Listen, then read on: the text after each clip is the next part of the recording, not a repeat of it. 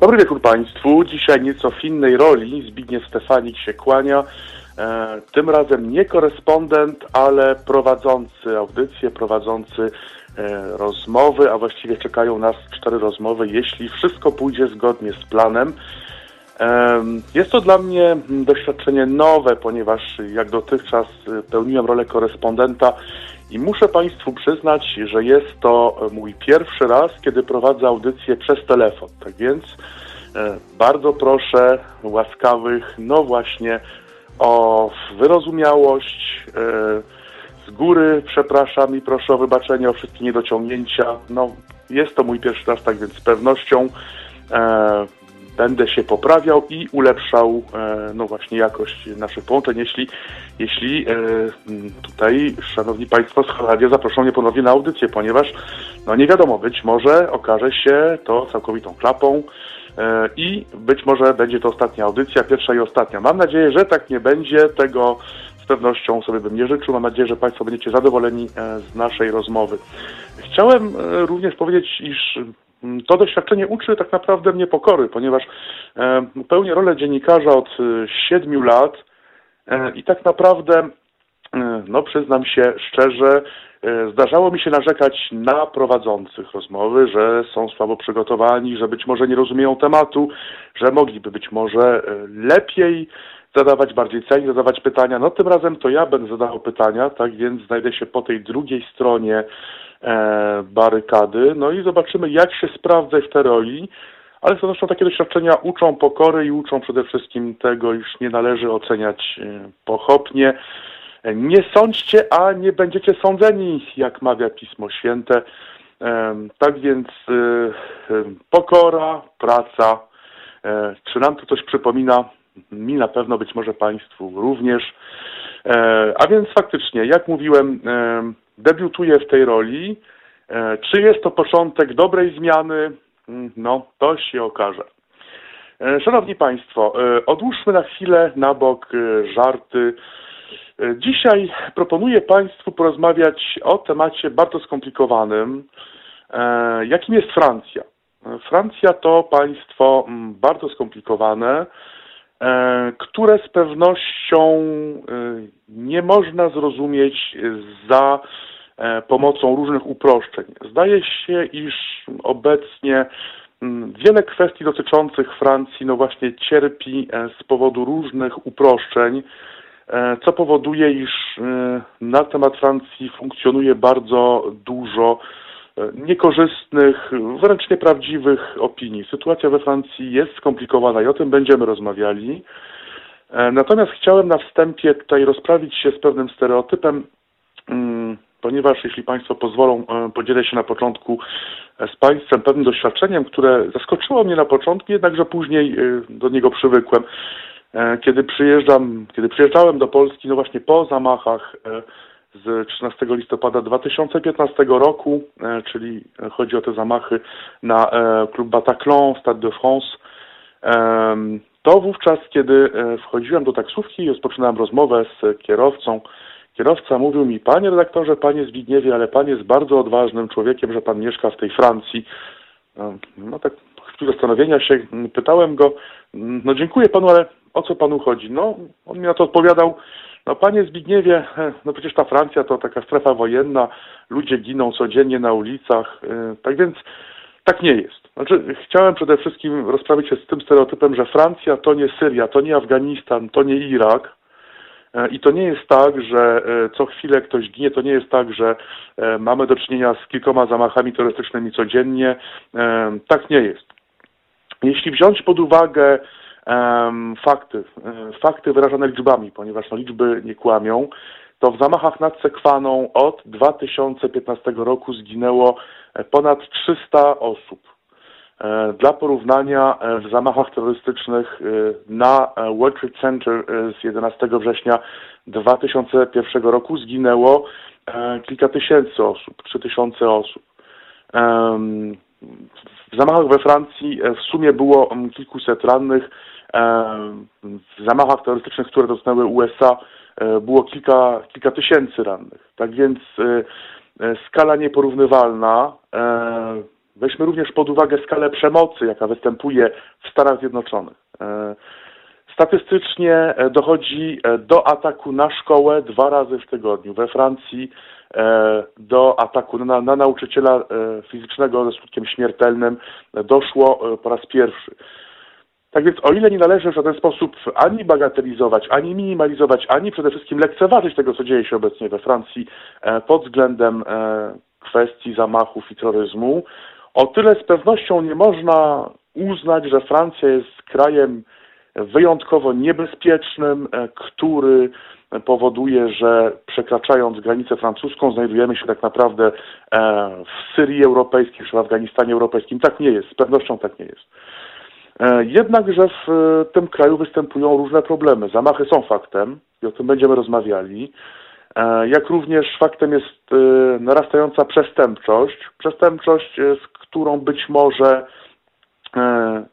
rządzący radzą sobie, powiedzmy, tak sobie, delikatnie to ujmując. Jest to kraj, który ma duże kłopoty gospodarcze. Mm, jest to kraj, który ma kłopoty kulturowe, kłopoty religijne, kłopoty społeczne. Tak więc chciałbym, no właśnie, postawić pewną tezę e, na początek naszej rozmowy, naszego dzisiejszego spotkania. Tezę, którą oczywiście e, będę chciał weryfikować wraz z Państwem, z moimi rozmówcami.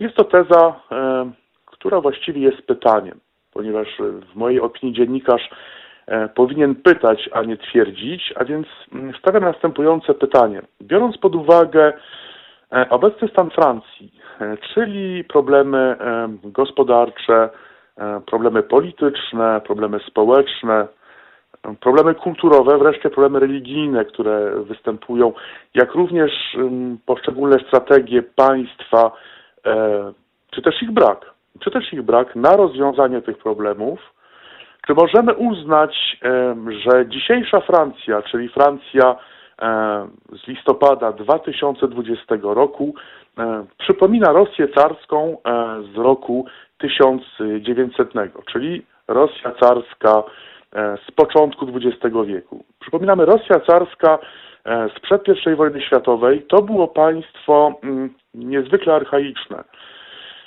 To państwo, o ile faktycznie zdawało się w pewnym sensie reformować, zwłaszcza po roku 1905, czyli po buntach robotniczych, to jednak ta reforma była niewystarczająca, z pewnością była to reforma, która nie zapewniała w żaden sposób modernizacji państwa.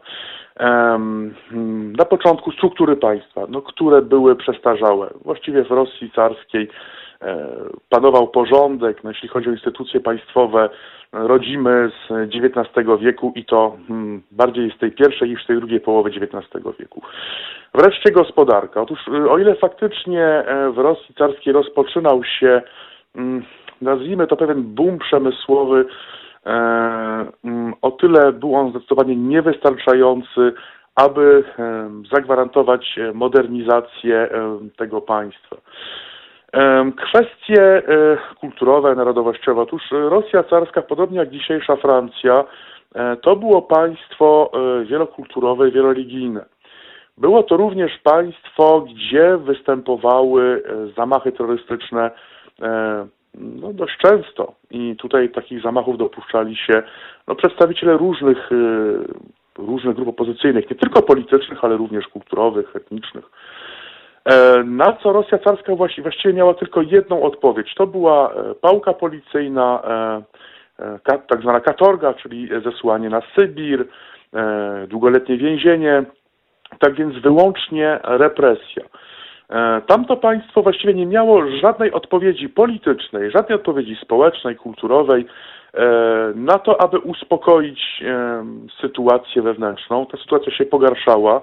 E, I faktycznie o ile, o ile bagnety, karabiny, e, nie, niebywałe represje, katorga, nie tylko zresztą więzienia e, powodowały, iż bunty były dławione, o tyle nie powodowało to zakończenia pewnych procesów protestacyjnych.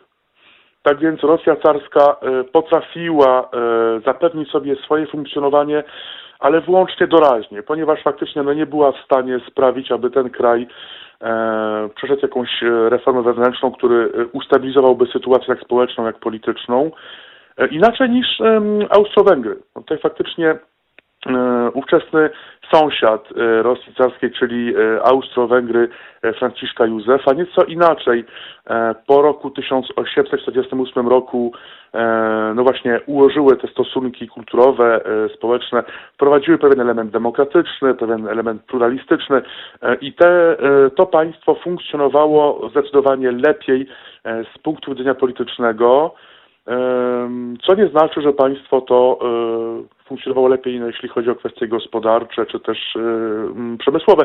Jednakże e, z pewnością Austro-Węgry i Rosja to były właściwie takie e, dwa bieguny. Z jednej strony właśnie ten model e, represji, chociaż faktycznie za cara Mikołaja II ta represja e, była, była nieco mniejsza niż wcześniej, ale jednak odpowiedzią państwa na wszystko, tak naprawdę na wszelkie formy protestów opozycji była pałka policyjna, bagnet, katorga, więzienie, przesłuchania i ochrana.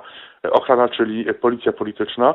Z drugiej strony Austro-Węgry, czyli państwo, które właśnie stawiało e, na promowanie e, wielonarodowościowych e, e, modeli, na e, promowanie różnych kultur.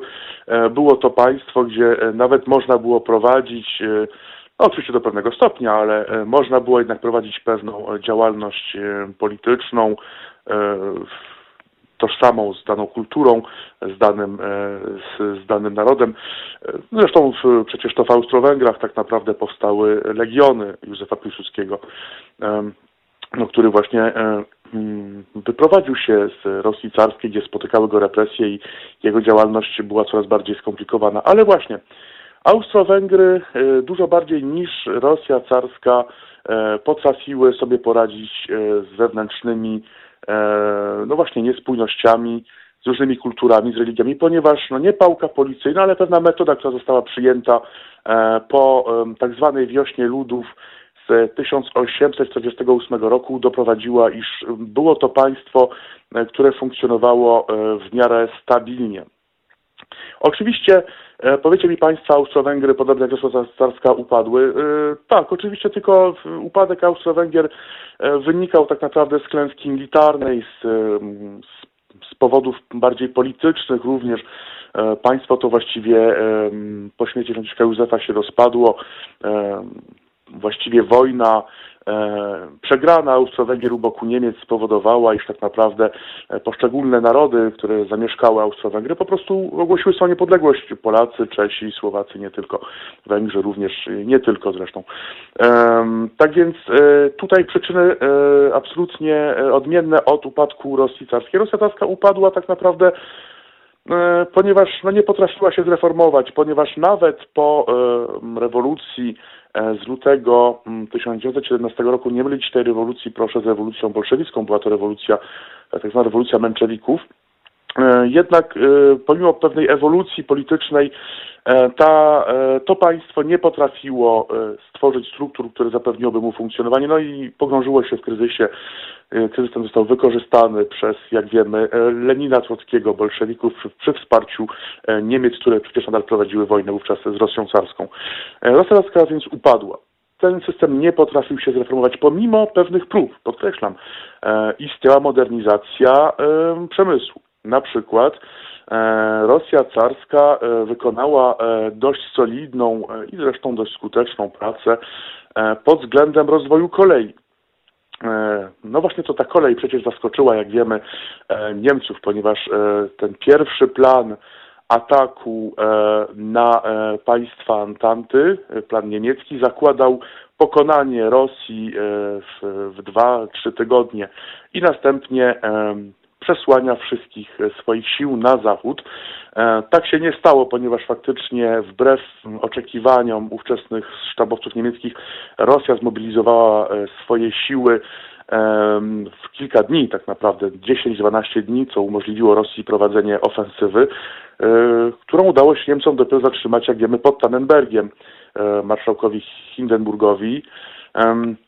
Mm, co zresztą uratowało Francję, ponieważ faktycznie Niemcy nie były wówczas w stanie wysłać swoich głównych sił na front zachodni, co uratowało tak naprawdę Francję, rozpoczęło tego nową nakupową, ale przecież nie o tym dzisiaj będziemy rozmawiali, być może, jeśli zgodzą się szefowie Halo Radia, to być może kiedyś zrobimy sobie rozmowę o historii, jestem wielkim pasjonatem historii, E, ale dzisiaj nie historia, ale teraźniejszość nas interesuje, a te fakty historyczne podaję właściwie po to, aby no, przedstawić pewien kontekst. I właśnie tutaj stawiamy pytanie, czy dzisiejsza Francja, e, podobnie jak Rosja carska, e, no właściwie znajduje się w takiej sytuacji, w jakiej znajdowała się Rosja carska na początku XX wieku. Z pewnością Francja ma duże problemy e, gospodarcze. Jest to gospodarka, która ma duże kłopoty mm, no, z reformą. Jest to gospodarka, która jest oparta w dużej mierze e, na daleko idącym interwencjonizmie państwa. Wreszcie e, konkurencja zagraniczna również daje się we znaki, jak również zdaje się pewien model przestarzały no, który powoduje, iż y, gospodarka, czy też podmioty gospodarcze są mało rentowne e, na Cekwanu. Na przykład y, bardzo y, kosztowna jest siła robocza. Dla przykładu e, właściwie państwo pobiera dokładnie 100% tego, e, co pobiera pracownik. 100%, szanowni państwo. Mm, podam przykład. Obecnie e, praca minimalna, płaca minimalna nad sekwaną wynosi e, około 11 euro na rękę, czyli netto, e, z czego dodatkowo pracodawca musi zapłacić składek w sumie 8 euro, ponad 8 euro, a pracownik z tych swoich 11 euro oddaje 2,5 euro. Tak więc kiedy płacimy, upraszczając, ale tak to wygląda, kiedy zatrudniamy pracownika nad sekwaną na warunkach płacy minimalnej, czyli przy 11 euro na rękę, dokładnie tyle samo pobiera e, państwo e, od pracodawcy i od pracownika. 100%, Szanowni Państwo. Tak więc no, te koszta pracy są wysokie, co z pewnością e, utrudnia modernizację, rozwój gospodarczy i konkurencyjność przede wszystkim, konkurencyjność gospodarki francuskiej ale o tym być może, być może później. Kwestie związane z modelem wielokulturowym, modelem, który zdaje się coraz bardziej dawać się we znaki. Otóż Francja od roku 1905 przyjęła tak zwany model świecki. Na czym polega ta świeckość? Otóż laicyzm francuski, państwo świeckie E, gwarantuje każdej grupie wyznaniowej e, możliwość praktykowania swojego kultu, jednakże e, ten kult nie ma prawa ingerować w sferę publiczną. Czyli no nie mamy prawa afiszować się ze swoimi poglądami w miejscach publicznych, na przykład w szkołach.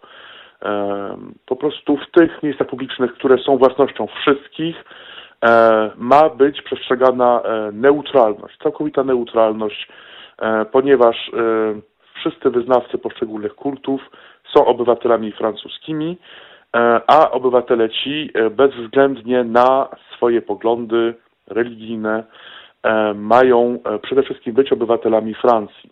Ten model został wymyślony w związku z tym, iż we Francji faktycznie być może inaczej niż w innych państwach europejskich pojawiały się różne kultury. Zresztą Francja E, była państwem bardzo naznaczonym przez wojny religijne e, w XVI i XVII wieku. Pamiętamy o e, nocy świętego Bartolemiego, kiedy doszło do, w Paryżu do, do masakry wyznawców religii protestanckiej. Tak więc chciano w ten sposób zapewnić nadsekwaną stabilność społeczną, E, I właśnie wymyślono taki model, który miał z jednej strony gwarantować wszystkim e, pełną swobodę kultu, e, no ale z drugiej strony właśnie sprawić, iż no, te kwestie kultu nie będą w żaden sposób wpływały na życie publiczne, polityczne i społeczne. No ten model sprawdzał się czas jakiś, jednakże wiadomo, czasy zmieniały się, model ten ewoluował powoli, Pojawiały się różnego rodzaju, no właśnie, derogacje dla poszczególnych regionów, na przykład regionu alzackiego. Region alzacki jako jedyny region cieszy się e, pewną autonomią, na przykład ma podpisany konkordat, e, tak więc jest to wyjątek na, e, na skalę francuską, ponieważ we Francji obowiązuje zasada, że republika jest jedna, niepodzielna, czyli zapis pierwszy, zapis konstytucji francuskiej, la république est une indivisible. Jednakże faktycznie taki wyjątek został wprowadzony dla Alzacji i francuska świeckość, charakter świecki państwa ewoluował. Także pytanie, czy dzisiaj ta definicja charakteru świeckiego państwa nadal pasuje do współczesnych czasów. Ja tutaj wyszedłbym od pewnego cytata Napoleona I, który powiedział, iż ludzie, cytuję, ludzie nie potrzebują Boga, być może nie potrzebują Boga, ale jednak z pewnością potrzebują religii. E, no i można odnieść takie wrażenie, iż e, to, ten cytat e, staje, staje się tak naprawdę faktem we Francji, ponieważ mamy do czynienia z powrotem religijności nad Sekwaną i tutaj nie tylko po stronie mniejszości muzułmańskiej, czy też grupy wyznaniowej wyznającej islam, ale również widzimy ten powrót do do religijności, do religii e, po stronie, e, no właśnie po stronie chrześcijan, katolików e, nie tylko. Tak więc pytanie, czy ten model, taki sztywny model świeckości państwa nadal pasuje do, do dzisiejszych czasów i czy Francja nie powinna w jakiś sposób zrewidować ten model, ponieważ model ten jest oskarżony, tak naprawdę oskarżany przez oponentów o to, e, iż nie okazuje on e, szacunku e, poszczególnym grupom religijnym, czyli właściwie jest takim modelem sztywnym, ale nie uwzględnia on, no właśnie, uczuć religijnych, o czym zresztą przecież debatujemy nie od dzisiaj nad Sekwaną, właściwie od kilku lat, wręcz już na większą skalę, ale już nawet nie w Francji, tylko na świecie, e, od dwóch miesięcy. I właśnie tak naprawdę o to toczy się spór, szanowni państwo, e, spór wywołany e, no nie tylko rozpoczęciem się procesu 14 oskarżonych o współudział w zamachach na tygodnik satyryczny Charlie Hebdo, ale również spór wywołany przez, no trzeba to powiedzieć wprost, E, tygodnik satyryczny Charlie Hebdo, który zdecydował się na republikację karykatur e, proroka Mahometa, e, tych karykatur, które stały się pretekstem do zamachów terrorystycznych ze stycznia 2015 roku, jak również ten spór został w dużej mierze wywołany przez prezydenta Francji, który zdaje się postawił kropkę nad i w tej debacie i powiedział, E, czy też napisał e, na Twitterze, iż we Francji bluźnierstwo jest dozwolone. E, to oznacza, że karykatury jako takie są dozwolone i tutaj no, nikt nie ma prawa w żaden sposób potępiać, czy też próbować zablokować publikację tychże karykatur. E, jednak no, faktycznie pojawiło się pytanie, które nie było stawiane nad sekwaną e, w sposób bezpośredni w mediach, a być może powinno być postawione w ten sposób. E, czy wolność słowa może uzasadnić obrazę? Znaczy, czy jest tak, że mm, czyjaś wolność po prostu może obrazić czyjeś uczucia?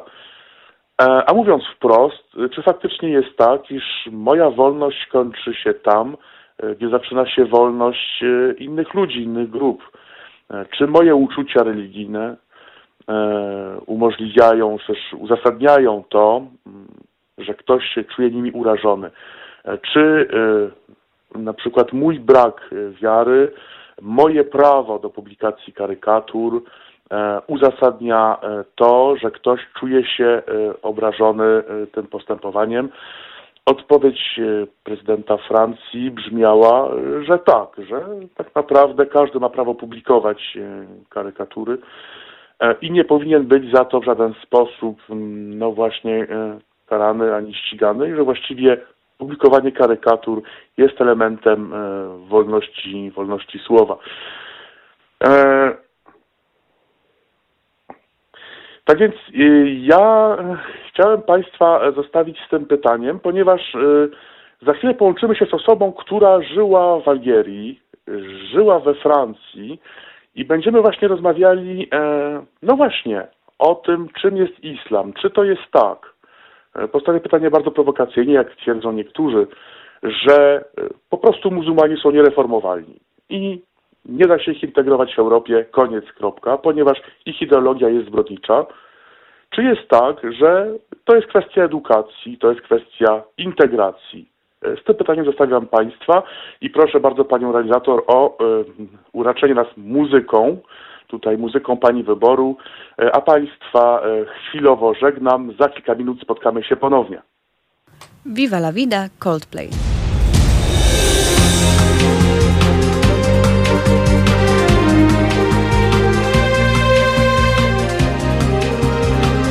Halo Radio.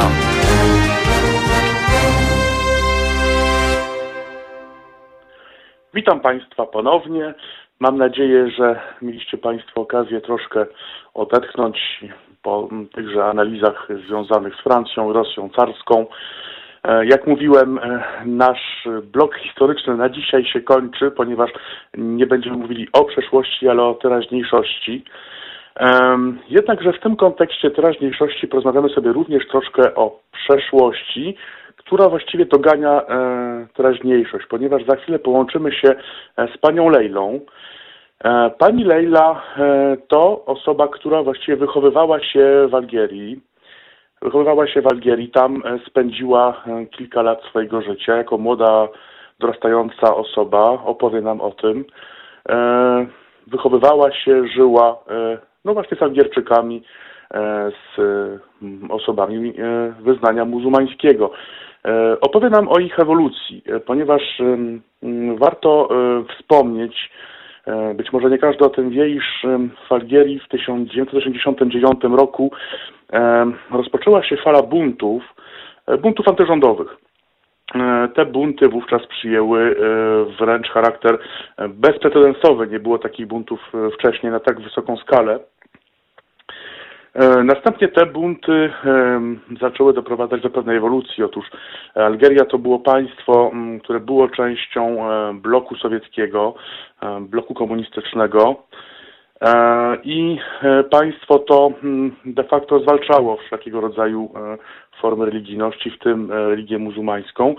Jednak no właśnie te protesty wówczas również doprowadziły do powrotu do przestrzeni publicznej religii e, muzułmańskiej, e, jak również protesty te doprowadziły do brania udziału w debacie publicznej grup radykalnych, w tym innymi salafistów, braci muzułmańskich, no, którzy, którzy doprowadzali do radykalizacji części społeczeństwa. Właściwie dwa lata no właśnie mm, po 1989 roku do roku 91 XX wieku upłynęły w Algierii no właśnie pod y, znakiem coraz większych podziałów, narastających podziałów, e, pod znakiem radykalizacji e, części społeczeństwa. E, to wszystko spowodowało, iż no faktycznie ludzie, którzy przecież żyli razem, ludzie, którzy byli przyzwyczajeni do tego, iż na terytorium Algierii e, żyli cudzoziemcy, bo przecież wielu ich pracowało w Algierii. E, z pewnością e, starsi słuchacze pamiętają, iż no, również wielu Polaków wyjechało wówczas tam pracować, ponieważ warunki zarobkowe były bardzo korzystne, jak i również warunki pracy, warunki mieszkania w ogóle życia w Algierii wówczas były bardzo, bardzo korzystne, bardzo, bardzo atrakcyjne e, dla osób żyjących e, no właśnie w bloku sowieckim w PRL-u. Tak więc nie tylko Polacy, e, Rosjanie, Węgrzy, nie tylko oni, Francuzi również wyjeżdżali do Algierii, tam żyli, pracowali. Żyli oni z, Algierczykami, przyjaźnili się z nimi, zapraszali się na obiady, kolacje. Ich dzieci chodziły do tych samych szkół. Aż przyszedł taki moment, iż okazało się, że no właśnie sąsiad e, przestał być sąsiadem, stawał się niewiernym. Niewiernym, którego trzeba było zwalczyć, wręcz zlikwidować, no właśnie e, za to, e, iż był niewierny, tak, iż właśnie no, należał do grupy, do grupy wrogiej tak naprawdę, która była uznawana przez radykałów za grupę do eliminacji, zwyczajnie do likwidacji. E, wreszcie wybory parlamentarne z grudnia 1991 e, roku doprowadziły do zwycięstwa e, grup islamistycznych. Te grupy jednakże nie doszły do władzy, ponieważ rządzący postanowili te wybory unieważnić i to doprowadziło do wojny domowej. Ta wojna domowa rozpoczęła w Algierii to, co nazywamy dość potocznie w pewnym skrócie myślowym do krwawej dekady. E, bilans tej wojny e, to mm, około 800 tysięcy ludzi poległych, zamordowanych, około milion osób, którzy zniknęli bez śladu, wielomiliardowe straty materialne, właściwie zrujnowana gospodarka. Wojna ta trwała do roku 2002 E, jednakże no, część tych islamistów mm, po prostu uciekła na pogranicze e, tunezyjsko-algierskie.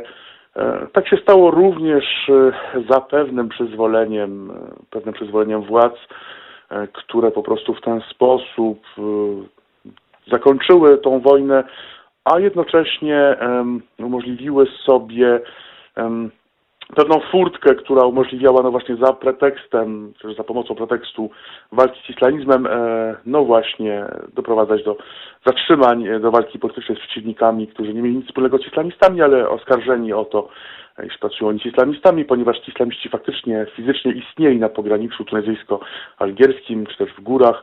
E, to dodawało wiarygodności, wiarygodności działaniom władz, które no właśnie prowadziły e, po wojnie represje, aby swą władzę umocnić. Ta wojna domowa, która miała miejsce w Algierii, właściwie e, dotarła do Francji, ponieważ w roku 1995 dochodzi do dużej fali zamachów nad Sekwaną. Zamachy w regionie paryskim, zamachy E, na paryskie metro, na paryskie e, kolejki, na paryski e, transport regionalny. Mm, zamachy, które właśnie były prowadzone przez grupy islamistyczne prowadzące walkę w Algierii z rządzącymi, czyli mówiąc kolokwialnie z władzą. Wreszcie kilka miesięcy wcześniej mm, dochodzi do porwania samolotu E, francuskiego samolotu, e, który leciał, czy też miał mm, polecieć e, z Algieru do Paryża.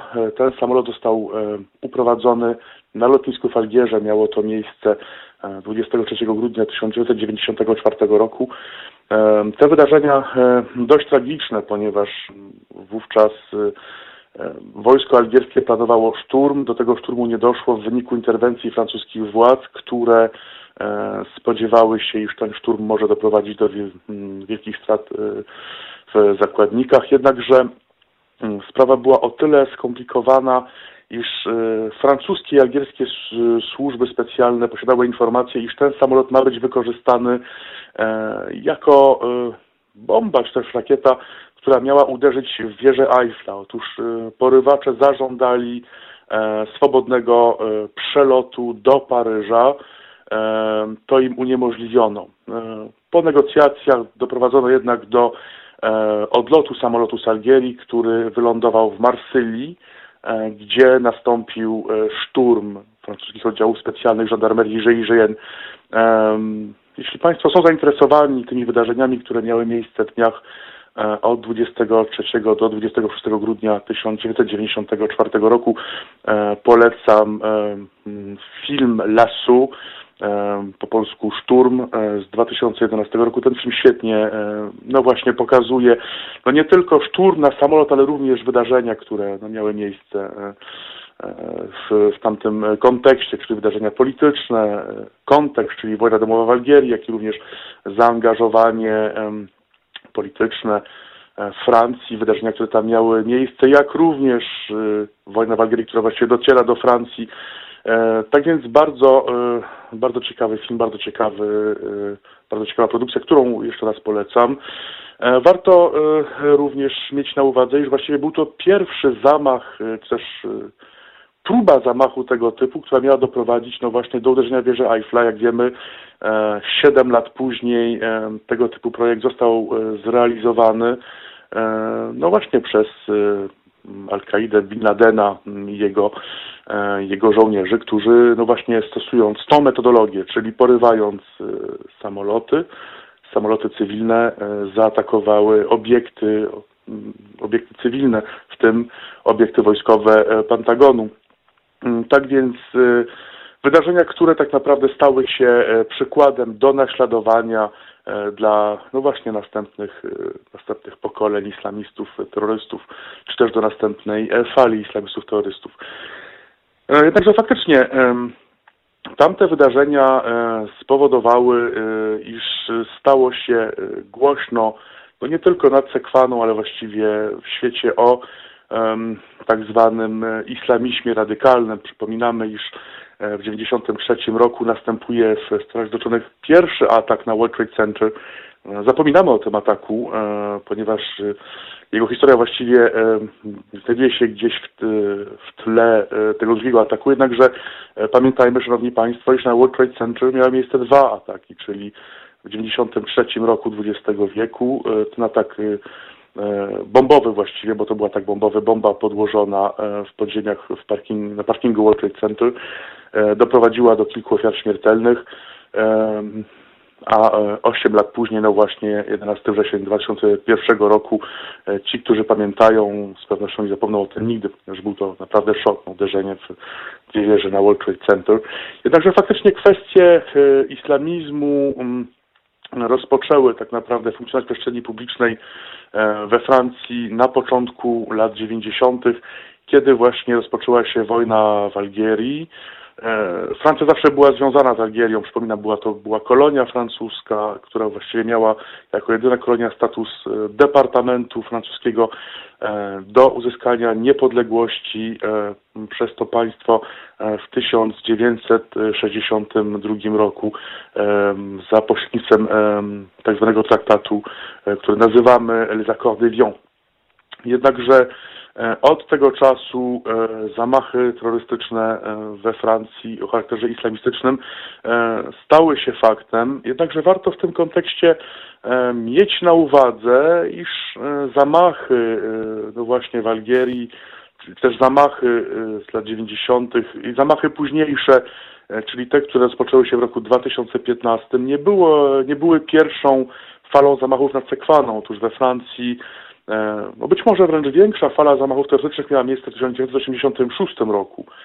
E, były one prowadzone między innymi e, przez tak zwanego Carlosa, czyli terrorysty, ale właściwie de facto najemnika, powiedzmy sobie człowieka do wynajęcia, który no właśnie dla poszczególnych grup planował działania terrorystyczne, stał się w no właściwie wrogiem publicznym numer jeden nad Sekwaną e, pod koniec lat 80., w końcu zatrzymany e, w 1994 roku. E, przebywa on nadal w więzieniu. Na jego temat powstał miniserial produkcji Kanału Plus. Również polecam Państwu ten serial, ponieważ nakreśla on dość wiarygodnie i E, powiedziałbym obiektywnie, e, kontekst działalności terrorystycznej e, w Europie lat 70. i 80., czyli no właśnie funkcjonowanie tych, tych grup, ich mocodawców, jak i również kontekst polityczny. Pamiętamy, że w tamtym okresie terroryzm o charakterze, no wówczas również islamskim, ale nie tylko, był finansowany przez Związek Sowiecki. E, jego partnerów e, no, w Polsce jest znana e, historia pobytu tak zwanego Abu Nidala. Abu Nidal to mm, terrorysta potocznie nazywany przodkiem Bin Ladena. Otóż było o nim bardzo głośno w 80 -tych, 90 Saddama Husajna ponieważ był on oskarżony o nielojalność, tak to nazwijmy. Mm, pracował on jakiś czas dla dla reżimu Saddama Husajna, aż w końcu został on przez ten reżim po prostu zlikwidowany. Szanowni Państwo, przed nami bardzo ciekawa rozmowa, jak sądzę, e, z panią Lejlą, e, osobą, o której mówiłem. Pani Lejlo, czy się słyszymy? Słyszymy się, panie Zbyszku, słyszymy. Witam Panią. Przede wszystkim dziękuję Pani za to, że zechciała Pani nam poświęcić trochę swojego czasu. Domyślam się, że dla osoby pracującej nie jest to łatwo, zwłaszcza w, w tygodniu. Tak więc e, w imieniu swoim, rozgłośni, słuchaczy, dziękuję Pani za, e, za Pani uczestnictwo w tej rozmowie. E, pani Lejlo, chciałem zacząć od pytania dotyczącego, mm, no właśnie, Pani dzieciństwa. Pani wychowywała się właściwie w Algierii. Jako osoba tak. pochodząca z polskiej rodziny przyjechała Pani do Algierii, ponieważ Pani rodzice tak. tam pracowali i właściwie żyła Pani z dziećmi algierskimi, żyła Pani z tak. tymi ludźmi na co dzień, tak? Jadła Pani z nimi obiady, kolacje, Algierczycy byli tak. Pani sąsiadami i w tak. pewnym momencie coś się zmieniło, tak? Znaczy przestała Pani być tą fajną koleżanką i sąsiadką, stała się Pani tak. wrogiem, tak? Czy może Pani tak, o tym opowiedzieć? Dokładnie. Tak, oczywiście. Więc tak, e, w Algerii znaleźliśmy się w roku 1984. E, moi rodzice pojechali tam e, na kontrakt e, jako kooperanci. Zresztą jak robiło to wielu Polaków i zresztą najbardziej były zainteresowane oczywiście takimi kontraktami wyjazdami wszystkie kraje demoludów, czyli cała nasza Europa Wschodnia. I znaleźliśmy się tak, owszem, w Algerii i będę tu już mówiła oczywiście pod kątem religijnym, jak to wyglądało i co się działo. Więc byłam, miałam wtedy jeszcze 12 lat. I pierwsza styczność z Algerią i w ogóle e, z religią muzułmańską e, była dla mnie zupełnie rzeczą pozytywną. E, to znaczy, dowiedziałam się zresztą po latach, że był to tak zwany islam sielankowy. Czyli po prostu byli, była część muzułman, muzułmanów, którzy oczywiście wyznawali tą religię w sposób bardzo stricte, można by powiedzieć radykalnie, aczkolwiek wtedy jeszcze nie używało się tego słowa. I byli też muzułmanie, którzy podchodzili do tego zupełnie w sposób bardziej wyluzowany, którzy y, nawet ujawniali swoje y, tendencje proeuropejskie, profrancuskie. I z biegiem czasu, zresztą mogę dla ciekawości powiedzieć, że jeszcze w 1984 roku do bodajże 1985 roku, nawet chyba 6, można było w naszym miasteczku pójść do baru i nie tylko napić się kawy i zielonej miętowej herbaty, ale również piwa. E, I pierwszym takim, że tak powiem, syndromem, e, czy symptomem tego, że coś się zaczęło w tej religii w tym e, kraju zmieniać, było właśnie zamknięcie tych barów. I później też zmiany zauważyliśmy w zachowaniu w ogóle i podejściu oczywiście Algierczyków do, do religii. Coraz mniej rozmawiało się o super Europie, coraz więcej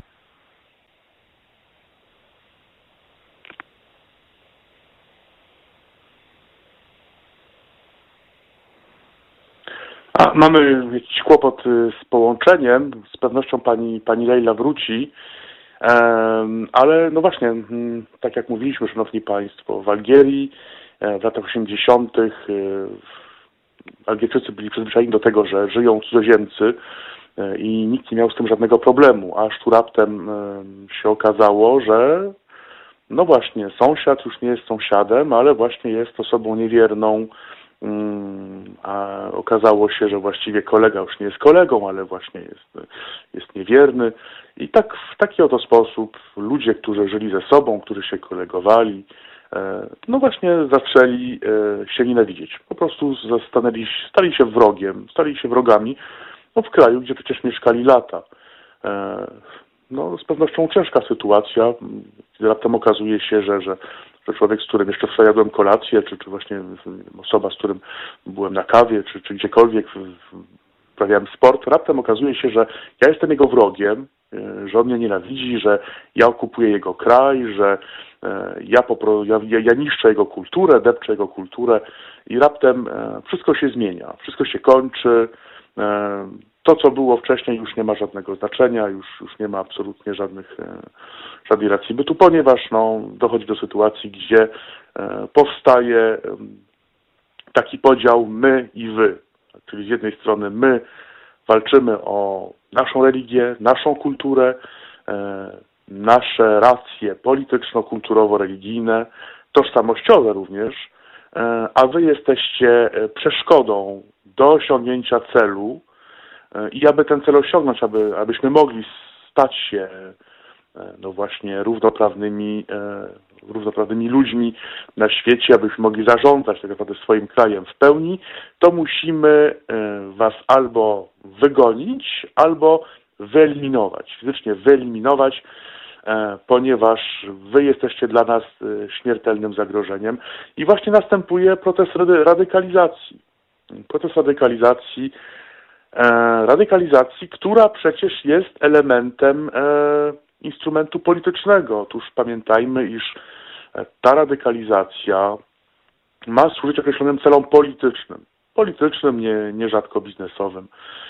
E, ta radykalizacja jest e, instrumentalizacją religii, cywilizacją islamu, jest to instrumentalizacja e, no właśnie danych faktów historycznych, które się reinterpretuje, jest to instrumentalizacja pewnych wydarzeń, ale mówimy o, o tym, co stało się w Algierii, o tym, jak zradykalizowano pokojowo nastawionych muzułmanów, osób, które, które z nie walczyły, nikomu e, przecież e, w żaden sposób e, nie przeszkadzały i raptem dochodzi do radykalizacji i ktoś staje się wrogiem. Ale przecież pamiętamy historię z państwa niemuzułmańskiego, historię państwa nie, niemieckiego. Przecież Niemcy to było państwo, jedno z państw najbardziej ukulturalnionych, uprzemysłowionych Halo? na świecie. Mm, tak, Halo, mamy pani połączenie? Tak, tak, tak, słyszymy się. Ja panią słyszę. O, mamy jakieś kłopoty techniczne, szanowni państwo. E, coś jest nie tak z połączeniami. E, być może uda się połączyć później. A więc, e, no właśnie, wróćmy do, mm, do tematu. A więc dochodzi do sytuacji w Niemczech, czyli w państwie, no, który przecież był państwem ludzi, wielu ludzi wykształconych, państwem filozofów, państwem muzyków, artystów, również państwem e, nowoczesnych e, przemysłowców, nowoczesnych myśli technicznych, przemysłowych, politycznych. I raptem przychodzi ktoś i e, buduje pewną ideologię, na podstawie której, no właśnie, Niemcy zostały zdradzone przez swoje elity polityczne, zdradliwe elity, które przegrały wojnę. To nie wojsko przegrało, tylko politycy przegrali tą wojnę, zdradzili nas, sprzedali nas. E, Niemcy zostały upokorzone e, i tak naprawdę po to, aby Niemcy mogły no właśnie powstać z kolan, to musi dojść do likwidacji tychże elit politycznych, e, następnie do likwidacji ich, ich wszelkich popleczników, E, aby Niemcy mogły odzyskać swoją rolę i prawdziwe miejsce na świecie. E, poprzez eliminację wszystkich, no właśnie swoich wrogów, przy czym najpierw wrogowie to byli wrogowie wewnętrzni, potem okazało się, że Niemcy mają również wrogów zewnętrznych, e, właściwie samych wrogów zewnętrznych. Tak więc mówię o tym po to, aby pokazać Państwu, że tak naprawdę radykalizacja Halo? nie jest... Tak, słyszymy się? Halo? Tak, ja, pa, ja panią halo, słyszę, halo? pani Lejlo. Ja panią słyszę. Jakieś kłopoty z połączeniem. Mam nadzieję, że uda się to rozwiązać.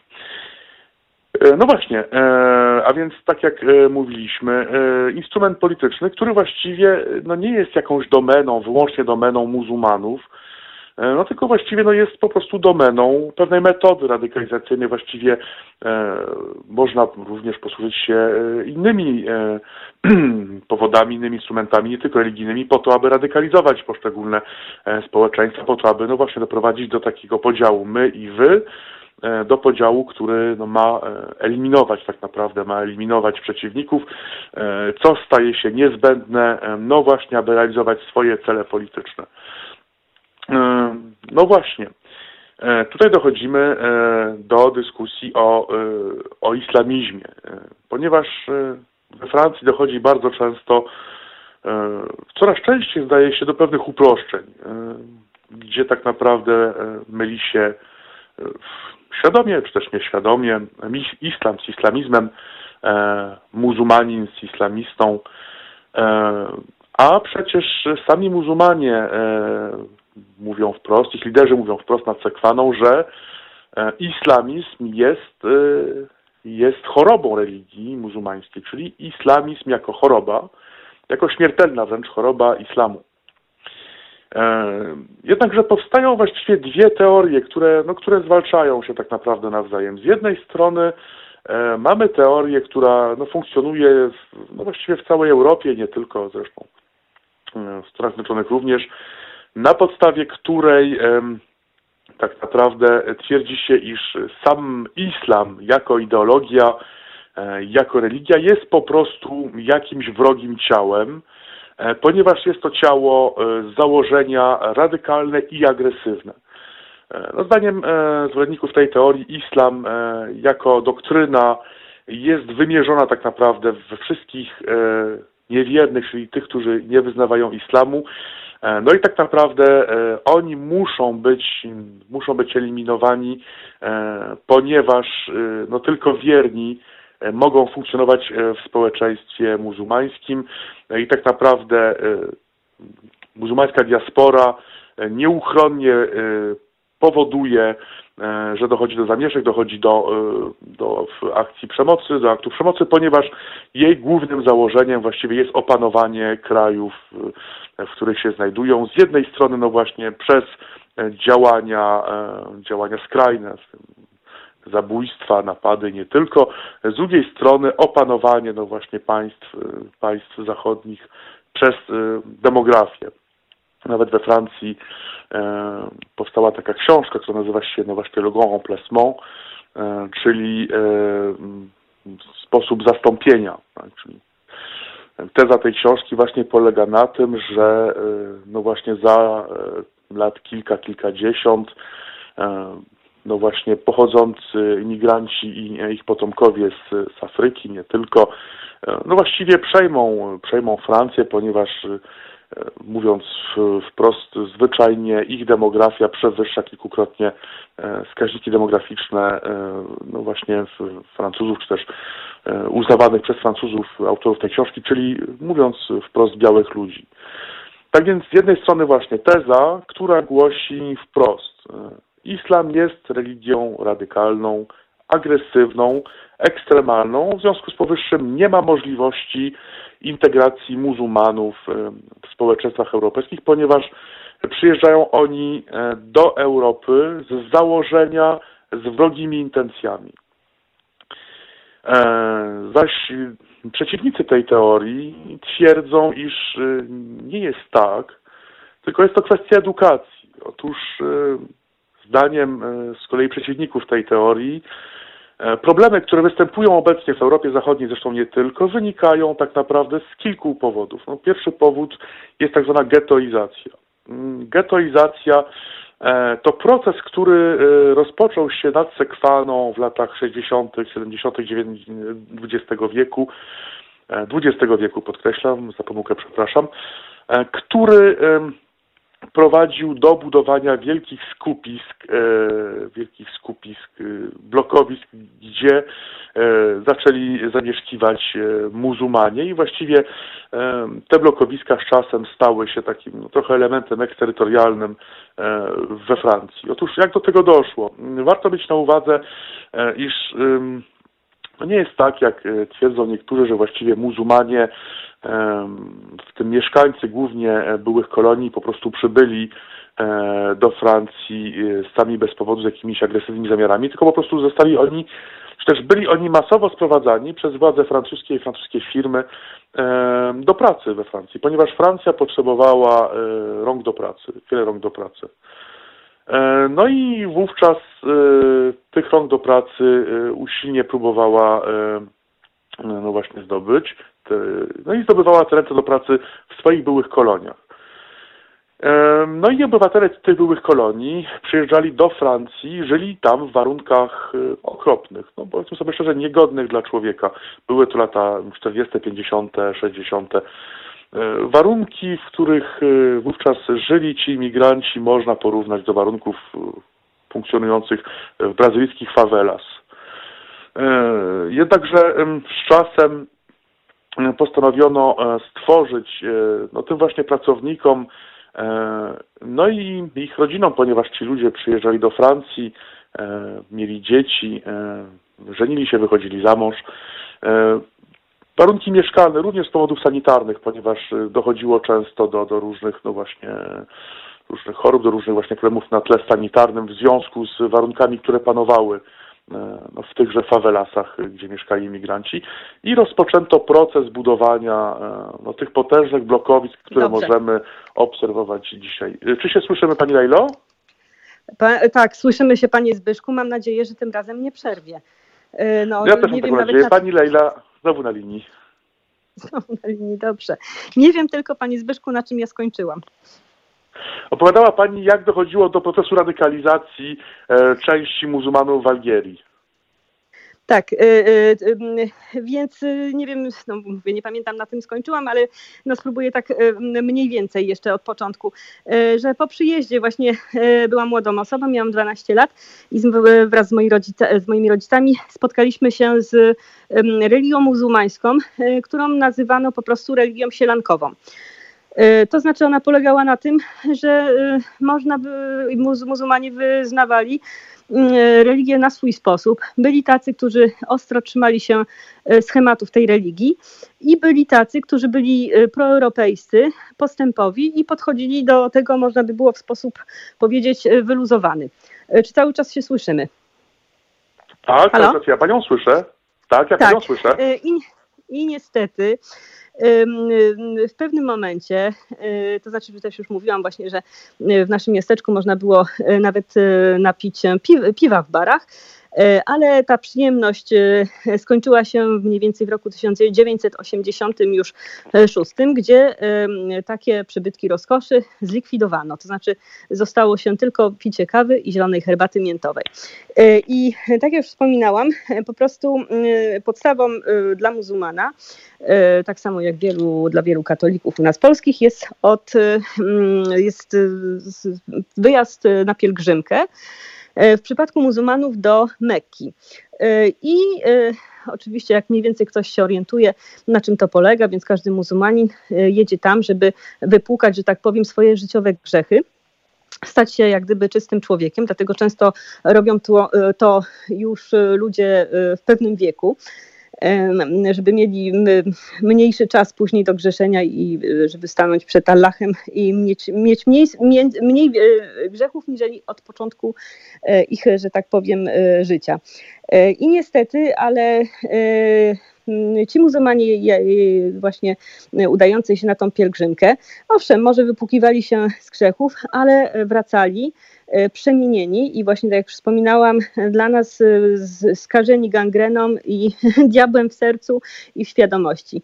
E, tam dochodziło właśnie niestety do radykalizacji tych osób i właśnie tutaj chciałam posłużyć się przykładem naszego sąsiada, który był nas, nam osobą bliską i my jemu również. Przez 7 lat traktował nas, zresztą nam to mówił, jak członków rodziny. I Ali, który był wykształconym człowiekiem i skończył studia, był zresztą na, obejmował, zajmował wysokie stanowisko w administracji algierskiej, był głównym księgowym. On też właśnie taką pielgrzymkę od, odbył. Jali przyjechał i po prostu no, nie poznaliśmy człowieka. On akurat udał się na pielgrzymkę po wojnie właśnie w Zatoce Perskiej. E, I byliśmy szokowani, jak przyszedł nam opowiadać właśnie, że fajnie, że był w tej metce, ale powiedział nam, że my mamy wielkie szczęście, e, że konflikt w Zatoce Perskiej wygrał Bush. Zadaliśmy mu pytanie, dlaczego. E, na to on nam odpowiedział, bo gdyby nie wygrał, to ja bym musiał wam poderżnąć gardła. Więc w ogóle nie wiedzieliśmy o co chodzi, bo to było dosyć szokujące. Po czym zaczęliśmy właśnie dyskutować na temat religii, znaczy on opowiedział, że w tej chwili staje się fundamentalnym muzułmaninem, że wstąpił w szeregi braci muzułmańskich. I to był już lata, to był rok 91 dokładnie i powiedział nam, że musimy sobie uświadomić, że w tej chwili islam i bracia muzułmańscy dochodzą do władzy e, i wszystkie osoby typu właśnie pochodzenia naszego europejskiego, chrześcijanie i tak dalej, którzy mm, dla nich są osobami niewiernymi, e, muszą po prostu zginąć, e, chyba że przejdziemy na islam. No, dla mnie to było taką rzeczą trochę śmieszną, bo ja chodziłam do szkoły arabskiej i tak jak dzieci arabskie Y, zaczynałam zajęcia szkolne modlitwą, którą zresztą nie jedną znam na pamięć do, do dnia dzisiejszego, więc y, ja nawet byłam traktowana jako dziecko, y, które wyznaje islam. Więc te rzeczy, które mi sąsiad powiedział i mojej rodzinie, były dla mnie po prostu szokujące. I zresztą Mm, po tej właśnie rozmowie z tym naszym sąsiadem powzięliśmy decyzję wyjazdu z tego kraju, ponieważ nam powiedział, że jeżeli dojdzie do tego, że e, bracia muzułmańscy przejmą władzę, po prostu on e, nie pozwoli innym, żeby to zrobili, czyli poderżnięcie, chodziło o poderżnięcie gardła i e, no, zabicie nas. On zrobi to sam, bo zrobi to przynajmniej w sposób czysty i nikt nie będzie zbezczeszczał naszych zwłok. Oczywiście y, w tej historii należy przenieść się w kontekst y, w ogóle tego kraju polityczno-religijnego. I po prostu myśmy Aliemu oczywiście podziękowali za ten przyjacielski gest.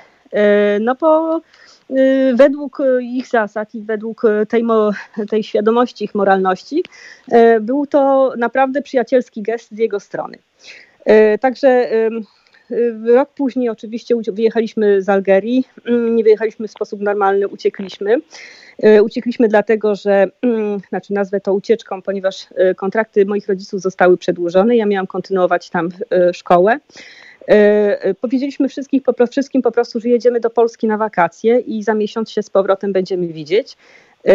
Baliśmy się powiedzieć prawdy, bo baliśmy się również tego, że zostaniemy tam zatrzymani jako zakładnicy i mogą się nami po prostu posłużyć i właśnie ofiarować nasze życie y, dla przykładu y, po prostu ludzi y, świata niewiernych i po prostu móc się poszczycić tym, że zabili panią doktor, która była dosyć sławna. Zresztą muszę powiedzieć, że moja mama nawet występowała tam w telewizji. Zresztą, jeżeli będziemy mieli czas, opowiem inną historię, jak ratowała życie ministrowi Mauretanii, ministrowi zresztą od spraw, do spraw religii i wyznania.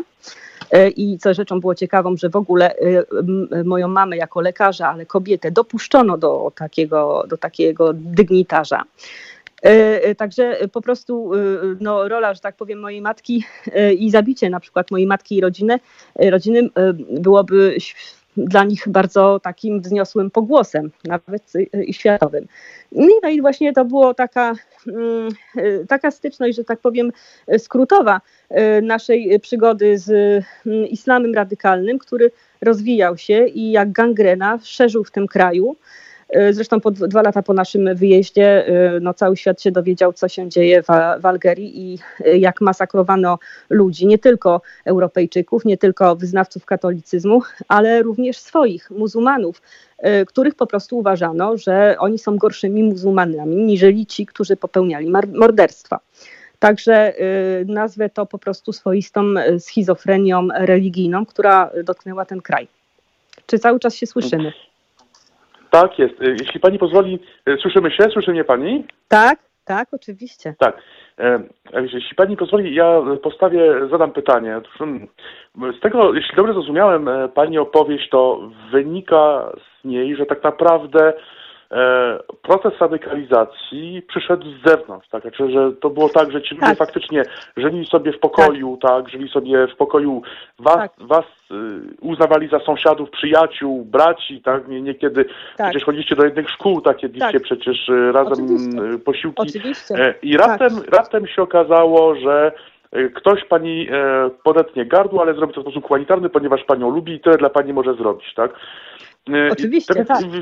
Stąd, stąd moje pytanie, czy tak. w Pani opinii należy rozróżniać e, islam jako taki, jako religię i właśnie islamizm. Pytam dlatego, ponieważ dla niektórych islam i islamizm oznacza to samo, ale czy jest tak, że jest islam i islamizm, czy po prostu jest tak, że jest islam e, w Pani opinii jako religia radykalna, nieuchronnie prowadząca do, no właśnie, chaosu, morderstw i tak dalej, czy po prostu jest tak, że dochodzi do radykalizacji po prostu pewnych grup ludzi, E, I ta radykalizacja jest po prostu mhm. winna, odpowiedzialna za tego typu czyny, które naprawdę widzimy na Bliskim Wschodzie, tak?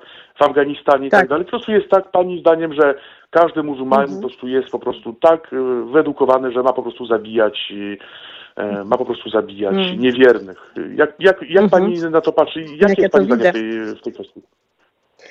To znaczy w ogóle moje zdanie, y, y, jeszcze im bardziej posuwamy się do przodu i, i, i, w ogóle im więcej, im bardziej obserwuję świat, y, jeszcze się zmienia. Znaczy tak, oczywiście ja uważam, że należy odróżnić islam, w ogóle religię muzułmańską i, i islamizm.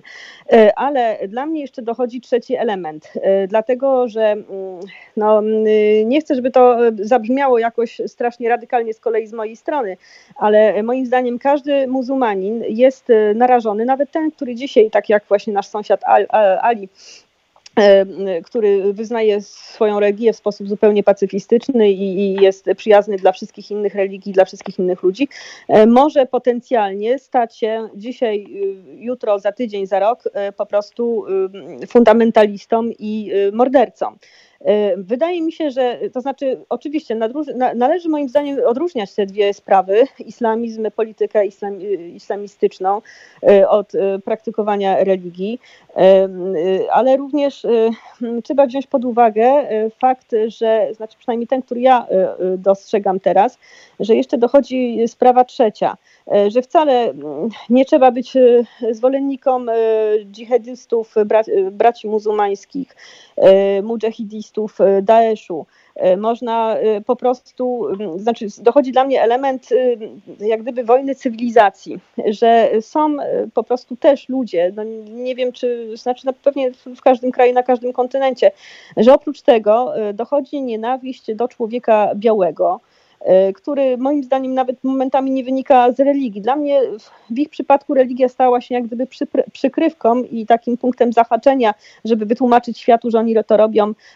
w, w ramach jakichś wielkich idei, tak jak ideologami był właśnie Marks, Lenin e, i, i inni, którzy też mordowali w imię Boga, czy tam w imię swoich idei, ale tutaj dla mnie jeszcze dochodzi element trzeci, po prostu nienawiść wobec Europy, wobec naszej kultury, wobec naszej tradycji, tradycji, e, który wynika dla mnie po prostu z prymitywizmu, a ten prymitywizm wynika z braku edukacji. A brak edukacji też wiąże się po prostu z no, niektórymi nawet, e, znaczy z niektórymi radykal, z radykalnym podejściem do religii muzułmańskiej. E, jest to dla mnie sprawa bardzo skomplikowana nie można według mnie określać wszystkiego jednoznacznie. No na pewno e, te elementy, które są zradykalizowane, e, są najbardziej niebezpieczne, bo e, tak jak oglądamy w telewizji, ulegają wpływom najczęściej osoby po prostu niedojrzałe emocjonalnie, pokrzywdzone oczywiście przez życie, ale mówię, podkreślam, nie tylko, bo też przechodzą na radykalizm muzułmanie, którzy do tej pory konsumowali alkohol, chodzili na dziewczynki, e, a z dnia na dzień po prostu e, ich, ich głowy, ich świadomość, ich e, całe życie jest wrzucone do maszyny piorącej i wychodzą po prostu wyprane mózgi. Także właśnie ja, ja to tak widzę, ale najbardziej czego się obawiam i co mnie najbardziej przeraża. Ja mam przyjaciół e, muzułmanów i ludzi, którzy są otwarci i są bardzo nowocześni, ale zauważyłam, że oni nawet swoich, swoich kompatriotów, e, kompatriotów e, i, że tak powiem, pochodzenia i swojego wyznania obawiają się. Żyją w takim samym strachu jak my, Europejczycy boją się rozmawiać między sobą o, religii. E, nawet, e, że tak powiem, udaje jeden przed drugim, że jest muzułmanem, który, e, że tak powiem, co do, co do milimetra praktykuje religię. No chcę powiedzieć, że każdy potencjalny, co mnie przeraża, że każdy potencjalny muzułmanin może być zradykalizowany. I uważam, no, trzeba walczyć z tym radykalizmem, oczywiście, z ideologią, ale dla mnie każda ideologia, czy religijna, czy polityczna, po prostu w pewnym momencie wchodzi w skrajność i staje się niebezpieczna. Ale trzecim, trzecim elementem, który mnie również przeraża, e, to jest po prostu e, darmowa nienawiść naszej kultury europejskiej i chęć zniszczenia tego, co oni nazywają po prostu haram. Haram, czyli to jest wszystko, co jest brudne, co jest zabronione, co jest e, sprzeczne z ich religią, czy tam z ich obyczajami. I to również też jest takim trzecim elementem dla mnie, który jest niebezpieczny w tym wszystkim. Halo? Jeśli pani, tak, ja, ja, po prostu nie chcę pani przerywać. To tak bardzo ciekawe, co pani mówi, że e, po prostu nie śmiesz mnie przerwać. E, myślę, że słuchacze również e, tak uważają, dlatego więc nie przerywam. Jeśli, ale jeśli pani pozwoli, postawię kolejne mhm. pytanie. Otóż tak. powiedziała pani, iż ta religia, ta radykalizacja jest pewnym instrumentem, ponieważ w sumie pewnym tak naprawdę celem, czy też pewnym, no nie wiem, no, pewnym objawem jest nienawiść do białego człowieka, do nas, jakby do, tak. do Europejczyków. E, tak, mówiła Pani również o edukacji, że to wszystko wynika z pewnego jakby no, braku edukacji, tak, tak że w sumie, że... Oczywiście. No właśnie, i tutaj tak. dochodzimy do sedna, ponieważ e, rozmawiamy głównie właściwie o tak. Francji. E, tak.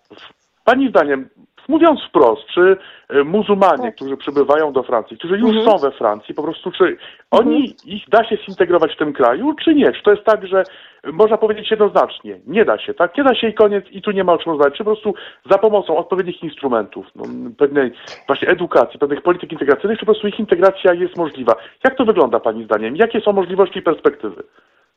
Dla mnie jest to też y, bardzo y, trudno jest mi odpowiedzieć na to pytanie, dlatego że y, każdy człowiek potencjalny jest w stanie się zmienić, jeżeli ma chęci ku temu. Z tym, że nie, nie, nie mogę operować liczbą czy procentem muzułmanów, którzy, których można, uważam, z, zmienić, czy po prostu u, u E, jak gdyby ukształcić na naszą e, europejską modłę i, i nauczyć ich po prostu naszej kultury, tradycji, poszanowania dla Republiki Francuskiej. E, ale co mnie martwi w rodzinach muzułmańskich, to mówię, nie wiem, czy to jest mniejszość, czy to jest większość, czy po prostu jest 50-50 ten procent. Ja powiem ze swojego doświadczenia, którego też niestety zaobserwowałam w Algerii, że często i gęsto rodzice E, po prostu e, no, edukują swoje dzieci oczywiście na porządnych e, muzułmanów. Ale ich wypowiedzi, bo często oni, no, być może jest to spowodowane jakimś tam przez nich wyimaginowanym rasizmem, czy po prostu stoją, czują się źle traktowani przez białych, czy po prostu może wynika to ze zwykłych ich kompleksów, które mają w stosunku do Europejczyków, bo no, to też można zaobserwować nawet po prostu patrząc na całą historię. I ich dzieci po prostu słuchają tego w domu. I ja zadaję pytanie, jak dzieci, które wychowywane w takiej muzułmańskiej rodzinie i które, które słyszą, że po prostu my Europejczycy no, robimy wszystko nie tak, wszystko wbrew e, tradycjom muzułma, e, muzułmańskich, e, jedzą świnie, kobiety chodzą odkryte nawet czasami za bardzo, bo zakładają krótkie spódniczki, że mm, no, różne takie, no właśnie jest ta sprawa karykatur. E, sprawa również y, nauki y, niektórych mm, przedmiotów takich jak biologia. W ogóle nawet bym powiedziała, o tym jeszcze nie słyszałam w telewizji, ale w religii muzułmańskiej jest zabronione w ogóle przedstawianie i rysowanie człowieka.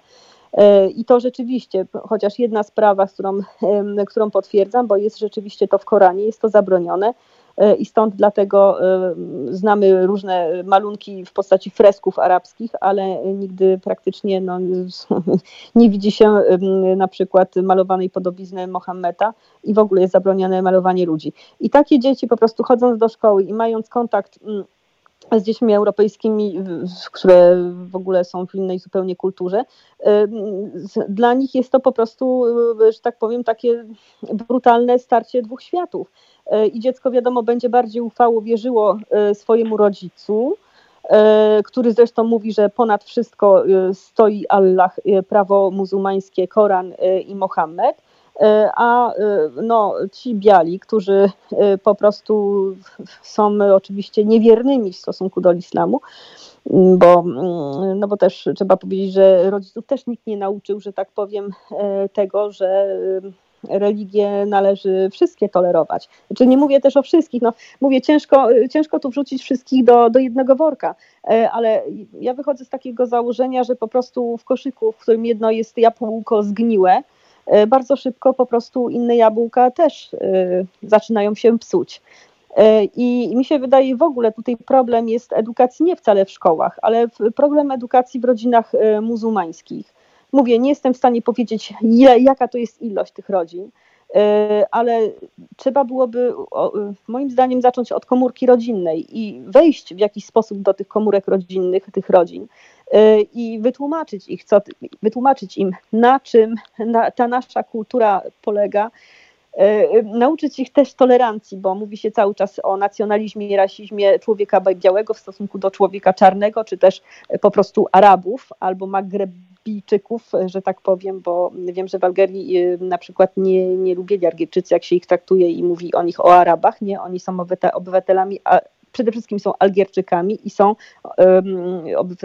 obywatelami ze strefy Magrebu. Y, I dlatego mówię, to nie, to nie jest taka prosta sprawa, ale po prostu można to zwalczać edukacją, ale po to, żeby przyjąć edukację i chcąc się y, integrować się, trzeba po prostu tego chcieć. Y, I ja na przykład życzyłabym sobie, bo to mogłoby też już być pierwszym elementem takiej edukacji dla dzieci muzułmańskich, y, zobaczenie chociaż tego, że ich rodzice na przykład y, jasno i, i wszechobec potępiają po prostu y, wszystkie te zamachy. E, chciała, oczekiwałabym na przykład wyjścia wyznawców islamu na przykład w, we Francji po to, żeby wyszli na, na ulicę, robili swoje też takie demonstracje, manifestacje wyznawców islamu, pro y, kulturze naszej europejskiej. Y, dzieci widząc to coś takiego, że rodzice chcą się integrować, że rodzice są tolerancyjni, y, że rodzice mimo, że są wyznawcami islamu, ale również tolerują i wyznawców katolicyzmu i Żydów. I moim zdaniem tego brakuje. Y, dopiero teraz słyszę na przykład w telewizji y, imamów, szczególnie mam tutaj na myśli y, pana imama Hussein, ale już nie pamiętam niestety jego nazwiska, który jest dla mnie człowiekiem niesamowitym, który no po prostu aż chce się rzeczywiście iść do takiego meczetu i słuchać jego kazań. I oby takich po prostu imamów i takich przedstawicieli tej religii było jak najwięcej ale ja bym apelowała naprawdę do muzułmanów, y, którzy mieszkają w Europie, jeżeli chcą y, tutaj żyć, integrować się i jeżeli rzeczywiście szanują naszą religię y, i mają trochę humanitaryzmu w sobie, żeby pomogli po prostu naszej Europie i żebyśmy wspólnie po prostu pokazali, że możemy żyć razem i w tolerancji. Halo? Jeśli pani pozwoli, e, tak, oczywiście ja panią słucham nie chcę przerywać, ponieważ jak mówię, jest to bardzo hmm. ciekawe i, i chciałbym po prostu dać pani dokończyć e, co do ostatniego słowa. Mówiła pani o mhm. właśnie tych demonstracjach poparcia e, dla naszej tak. kultury, naszej religii, naszych tak. wartości.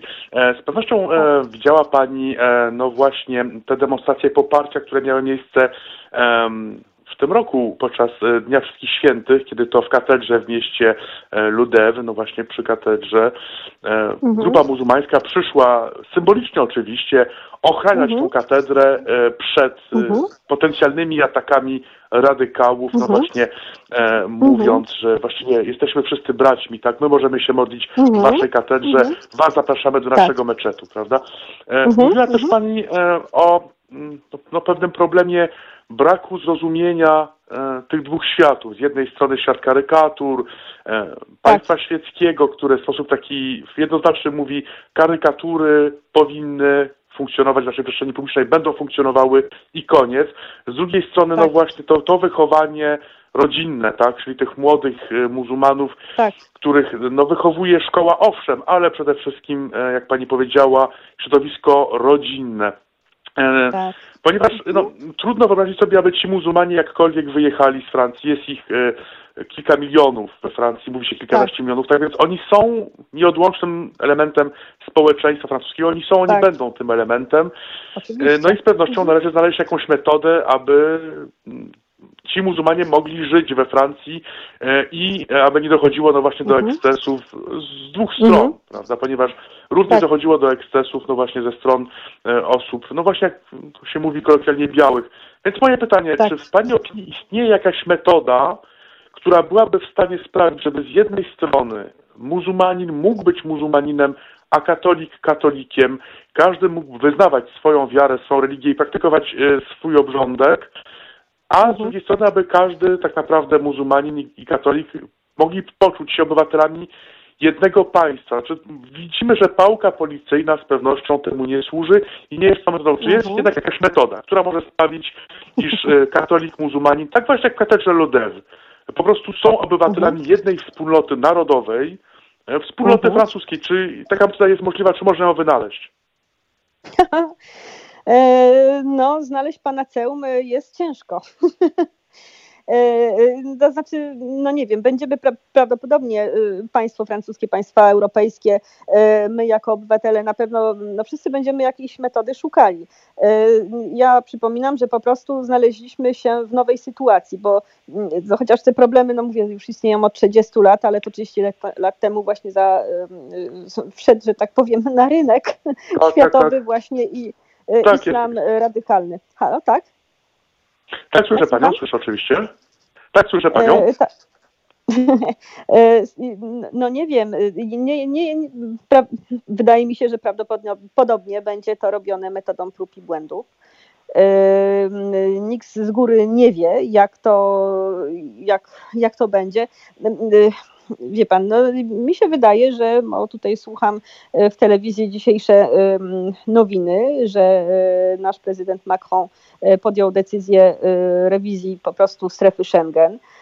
I może rzeczywiście trzeba byłoby zacząć najpierw od, no niestety, izolowania Europy i po prostu filtracji naszych granic żeby przynajmniej, y, no mamy na przykład też oczywiście zradykalizowanych muzułmanów, żeby może nie dopuszczać y, inne, y, innych elementów, którzy by jeszcze podtrzymywali po prostu już tą gangrenę, gangrenę która jest w, w krajach takich jak Francja, jak Hiszpania, Włochy, czyli te kraje, które były zawsze otwarte na migrację i przyjmowały ludzi. Także już nawet ta sama, sama izolacja naszych europejskich czy tam francuskich, akurat na gruncie francuskich, francuskich wszystkim muzułmanów odizolowanie już y, ich od ewentualnych kolejnych po prostu y, no, radykalistów. Natomiast no, jeżeli chodzi o właśnie tutaj edukację wewnętrzną, jeżeli już taka izolacja by miała miejsce, no to przejdę do tego punktu, czy tam wspomnę o tym, co już wcześniej mówiłam, po prostu zacząć od no, uczenia może rodziców, jak mają postępować z dziećmi i po prostu, no tylko ja mówię, czy rodzice, jak rodzice też y, patrzą na, na, na nasz kraj, y, czy oni na, i na naszą kulturę, czy oni w ogóle też chcą po prostu, żeby ich dzieci, czy, czy w ogóle chcą, żeby ich dzieci po prostu były zintegrowane kompletnie ze światem europejskim i które by oczywiście mogły przecież zachować swoje korzenie i swoją religię. Przecież jesteśmy krajem tolerancyjnym, demokratycznym ale to mi się wydaje, że po prostu to historia, historia e, pokaże, e, a na razie no, wszyscy, że tak powiem, raczkują e, w tym, żeby znaleźć jakieś rozwiązanie tego. Pani Lejlo, bardzo dziękuję za tę rozmowę. Bardzo ciekawa rozmowa. Mhm. Z pewnością ma Pani potężny bagaż doświadczeń, bolesnych, ale jak, jakże bardzo ciekawych. Mam nadzieję, że tak. będziemy mieli okazję usłyszeć się jeszcze kiedyś Dziękuję bardzo, mhm. życzę udanego wieczoru. Do usłyszenia. Dziękuję, kłaniam się. Ja również. Ja również pozdrawiam Panie Zbyszku. Do zobaczenia i do usłyszenia. A Wam, szanownym słuchaczom, proponuję porcję muzyki po mm, tym dłuższym no właśnie momencie. Bez muzyki z pewnością Państwo cieszą się małą przerwą i porcją muzyczną, e, więc e, czy Pani realizator e, zechce nam puścić troszkę muzyki? Ależ oczywiście. Sztuka latania Lady Punk.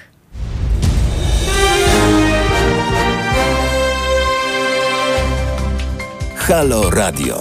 Pierwsze medium obywatelskie.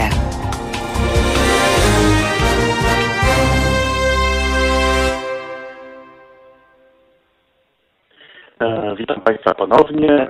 Zbigniew Stefanik się kłania. Słuchacie Państwo e, rozmowy dotyczącej e, Francji, różnych aspektów związanych z Francją. Mm, dla tych Państwa, którzy słyszeli rozmowę z panią Lejlą, ja bym dodał, że faktycznie takim elementem łączącym te dwa światy jest z pewnością E, dobrze pomyślana polityka integracyjna, e, której zdaje się we Francji zabrakło. E, z pewnością szkoła, o której będziemy rozmawiali w późniejszej rozmowie z nauczycielem, francuskim nauczycielem, ale również pewne podejście, podejście państwa, stworzeniem pewnej metody połączenia tych dwóch światów jest wreszcie degetoizacja, czyli przerwanie tego procesu mm, trwania w tych, e, no właśnie w tych enklawach, w tych getach, e, no, ci ludzie e, właściwie spokojne pokolenie żyją i wyjście z takiego getta staje się bardzo skomplikowane. Rynek pracy niechętnie przyjmuje osób wywodzących się z tego getta. Właściwie ludzie żyjący w tym getcie e, starają się mieć swoją własną tożsamość. Czy ta tożsamość e, nadal jest tożsamością obywatela francuskiego, czy tak naprawdę e, rodząc się w takim getcie, żyjąc w tym getcie, staje się tak naprawdę mieszkaniec takiego getta nie obywatelem Francji, ale właśnie obywatelem getta, czyli jest on skazany na życie w tym getcie, na funkcjonowanie w tym getcie, E, no właśnie, e, to są pytania, na które zdaje się państwo francuskie starać się odpowiedzieć. E, przypominamy, komentowaliśmy to również z rektorem Rokosem, z rektorem Wawrzyniakiem na antenie rozgłośni Halo Radia. W październiku, 2 października tego roku Emmanuel Macron, prezydent Francji, ogłosił taki plan, wielowątkowy plan, który ma służyć walce z separatyzmem islamistycznym, e, czy raczej z tym, co on e, definiuje jako separatyzm islamistyczny. I właśnie e, zdaniem prezydenta te getta, o których mówimy, są jego elementem, czyli właściwie te getta są takim czynnikiem prowadzącym do pewnego separatyzmu, rozumianego jako tworzenie pewnej enklawy E, na zasadzie państwa w państwie.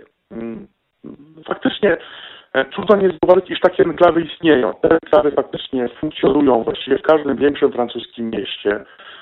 E, pytanie więc, jak zakończyć no, pewien proces, który trwał we Francji 50 lat, czyli getoizację całych rzeszy, no właśnie, pewnych ludności, ludności, które przyjeżdżały z zagranicy, które zamieszkiwały w tych przewidzianych dla nich e, blokach, które nazywamy getami. Tam mieli dzieci no i właśnie pozostali e, w tych getach i stali się e, no, w pewnym sensie obywatelami tego getta. Co być może gorsze, sami poczuli się obywatelami getta bardziej niż obywatelami Francji. I być może, no właśnie, jest to jedno z z wytłumaczeń tego zjawiska, które obecnie trwa we Francji, tego zjawiska, które prezydent Francji nazywa separatyzmem islamistycznym, że właśnie ci ludzie po prostu bardziej niż obywatelami Francji stali się, e, czują się i postrzegają swoją tożsamość e, jako obywatele, obywatele getta. Często można spotkać się z taką opinią e, w sferze politycznej, nie tylko zresztą we Francji, iż właściwie E, takim rozwiązaniem na problem radykalnego islamizmu we Francji e, jest złoty środek deportacji. No, tylko, że to rozwiązanie zawiera jeden błąd e, logiczny i logistyczny. Ci ludzie, no, których oskarża się o radykalizm, dopuszczają się zresztą działalności radykalnej, dopuszczają się zbrodni motywowanej tąże działalnością, są rodzeni we Francji.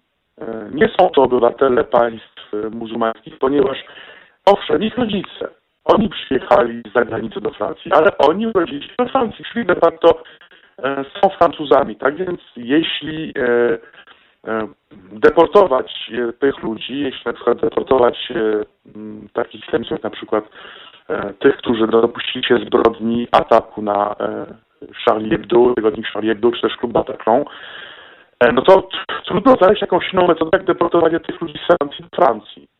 No, ponieważ e, ich krajem pochodzenia, ich jedynym krajem to Francja. Oni innego kraju nie mają, e, innego kraju nierzadko nie znają. E, Co więcej, e, ci radykałowie, o których e, mówimy, ci, którzy dopuszczają się zbrodni, ci, którzy dopuszczali się zamachów w roku 2015, najczęściej nie znają nawet języka arabskiego.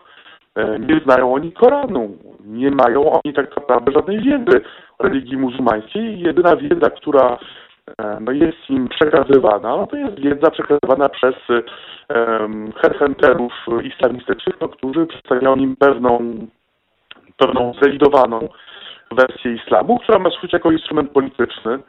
E, tak więc y, no, taka propozycja, aby deportować tych ludzi, no zdaje się być no, co najmniej e, trudno, trudna do zrealizowania, ponieważ e, jeśli deportować, to tak jak powiedziałem, z Francji do Francji. Nie wiem, czy rozwiąże to ten problem. W mojej opinii nie, ale mogę się mylić. Tak więc e, no, deportacja nie, niekoniecznie musi być tym elementem, który e, rozwiąże problem, ponieważ faktycznie można deportować e, osoby, które przybyły jako że obywatele innych państw zagranicy. E, Takie procesy przecież trwają zresztą francuskie Ministerstwo Wewnętrznych poinformowało e, i zamierza ono deportować około 300 osób e, pochodzenia no właśnie państw magrebskich, nie tylko to osoby te obecnie mają s- albo status uchodźcy, albo przebywają we Francji w sposób nielegalny. E, I faktycznie ich deportacja, jeśli uznaje się ich za e, element wrogi, e, czy praktykujący praktykujący działalności radykalno-islamskiej, jest możliwa. Ta deportacja jest do wykonania. Jednakże jak deportować tych ludzi, którzy żyją w gettach, którzy utożsamiają się z, z tym gettem bardziej niż z państwem francuskim, ponieważ tak naprawdę to, to getto jest ich państwem. Znaczy to getto, w którym oni się wychowali, w którym oni żyją, w którym się uczą, gdzie e, zawierają e, związki małżeńskie, e, zakładają rodziny, no właśnie to getto, którego nie puszczają, staje się ich państwem. Jednakże oni innego państwa nie mają, e, obywatelstwo mają francuskie, tak więc e, no jak deportować tych ludzi, e, jak nie z Francji do Francji.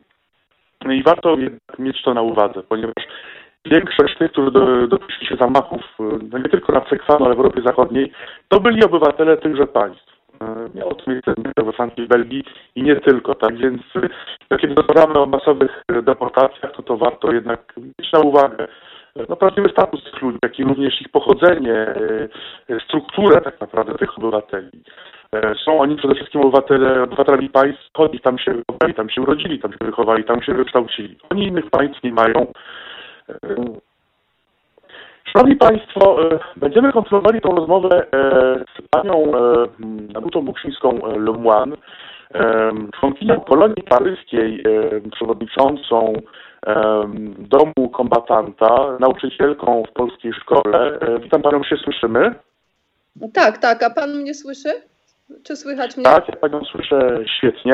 Chciałem przede wszystkim w swoim imieniu, w imieniu słuchaczy rozgłośni bardzo Pani podziękować za e, wzięcie udziału w tej rozmowie.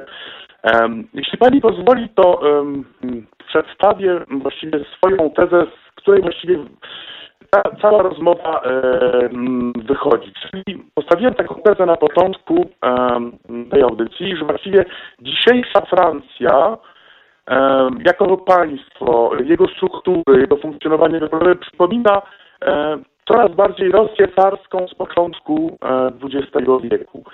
E, No właśnie i moje pytanie e, do Pani, e, jak Pani jako, no właśnie, e, jako pedagog, jako e, wieloletnia właśnie działaczka społeczna, jako osoba żyjąca we Francji, e, widzi tak naprawdę to, co się dzieje we Francji? Czy jest to tak, że istnieją metody polityczne, społeczne do pewnych przemian, czy de facto jesteśmy skazani e, na to, aby już było tylko gorzej, bo lepiej już było, teraz będzie tylko już gorzej? Jak, jak Pani na to patrzy?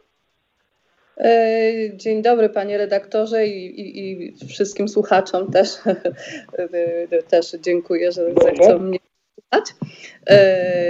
Moja, chodzi o atmosferę przedrewolucyjną, tak? To, to, to o to chodzi, o to, ta, ta, takie przypuszczenia, że we Francji jest atmosfera oczekiwania na jakieś rozwiązania gwałtowne bo to te, tego dotyczy teza pa, pana redaktora. Ja może, ja może zacznę od y, przedstawienia takiej mojej koncepcji y, i moich takich odkryć, powiedziałabym, właściwie, które miały miejsce w tym tygodniu, czyli to jest bardzo moje takie świeże, świeże spojrzenie.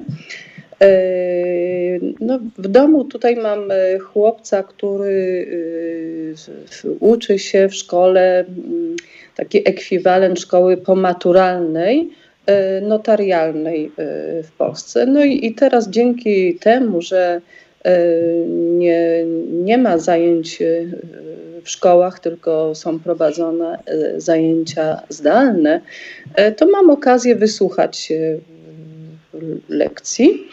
E, I na przykład dowiedziałam się e, na takich zajęciach z prawa e, od pani profesor, że Francja kształtowała się, konstytuowała się, zwalczając religię katolicką, która to była źródłem cierpienia Francuzów proszę uważnie za, zapamiętać te słowa, bo to, są, to jest dokładne tłumaczenie tego, co przekazała swoim uczniom.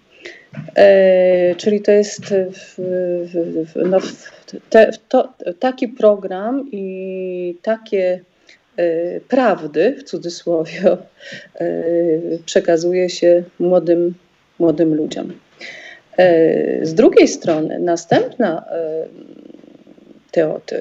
teza, następne spojrzenie, e, to wypowiedział moim zdaniem bardzo, bardzo przez Polaków lubiany i bardzo ceniony dziennikarz, który, który częst, którego często można wysłuchać e, w takim programie, znaczy w, w w CNews. To, to myślę, że to wszyscy, wszyscy znają ten program telewizyjny. E, Erik Zemur, który stwierdził, że Francja, no to wszyscy o tym wiemy, że jest córą, mm, pierworodną córą Kościoła katolickiego i e, jest do tej pory, do tej pory, pomimo rewolucji francuskiej, francuskiej po, pomimo y, tych zmian, które nastąpiły w przeciągu 200 lat, y, jest nadal u, u, uważana jako symbol y, kultury judeo-chrześcijańskiej. I moja, moje pytanie właściwie, moja, moje, moje E, moja troska, niepokój, e, to wyraża się w takim właśnie w, w analizie, jak te dwie teorie e, na, na starciu tych dwóch teorii, jak Francja może ewoluować w kierunku pokojowym. I teraz jeszcze wracając do początku, do tej mojej teorii e, przekazanej przez e, nauczyciela szkoły francuskiej, że e, Francja kształtuje się, kształtowała się zwalczając religię katolicką.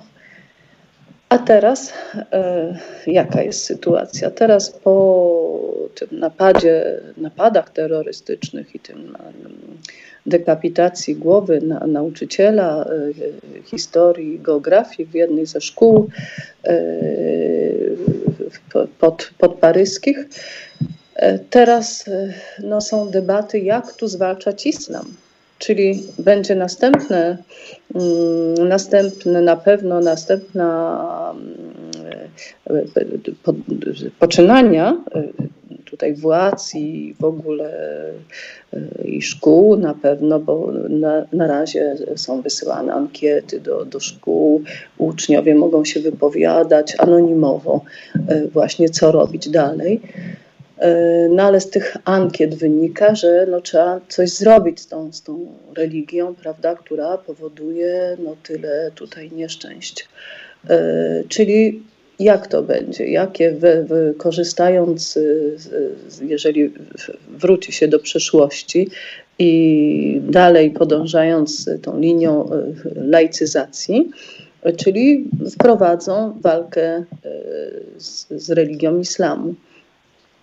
Czy tak się zastanawiam, zadaję sobie pytanie, czy to taka droga pobudzania do konfliktów y, religijnych, czy to jest y, y, odpowiednia droga. Nie wiem, czy jestem słyszana.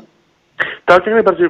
Nie chcę Pani przerywać, ponieważ jest to bardzo ciekawe, co Pani mówi, e, ale jeśli mogę pozwolić, to chciałbym się postawić pytanie. Otóż, jak wiemy, prezydent Macron jednoznacznie, naprawdę jednoznacznie, tutaj bez ograniczeń, właściwie sam E, poparł e, Charlie Hebdo i ich karykatury, mówiąc, że tak naprawdę te karykatury są elementem wolności słowa. Znaczy, e, bluźnierstwo nad sekwaną jest dozwolone, te karykatury są nieodłącznym elementem francuskiej kultury, czyli no, w domyśle to oni mają rację, a kto nie rozumie tego, że oni mają rację, kto nie docenia tych karykatur, jest ociemniały, tak? Obscurantist, na, na polski, ociemniały.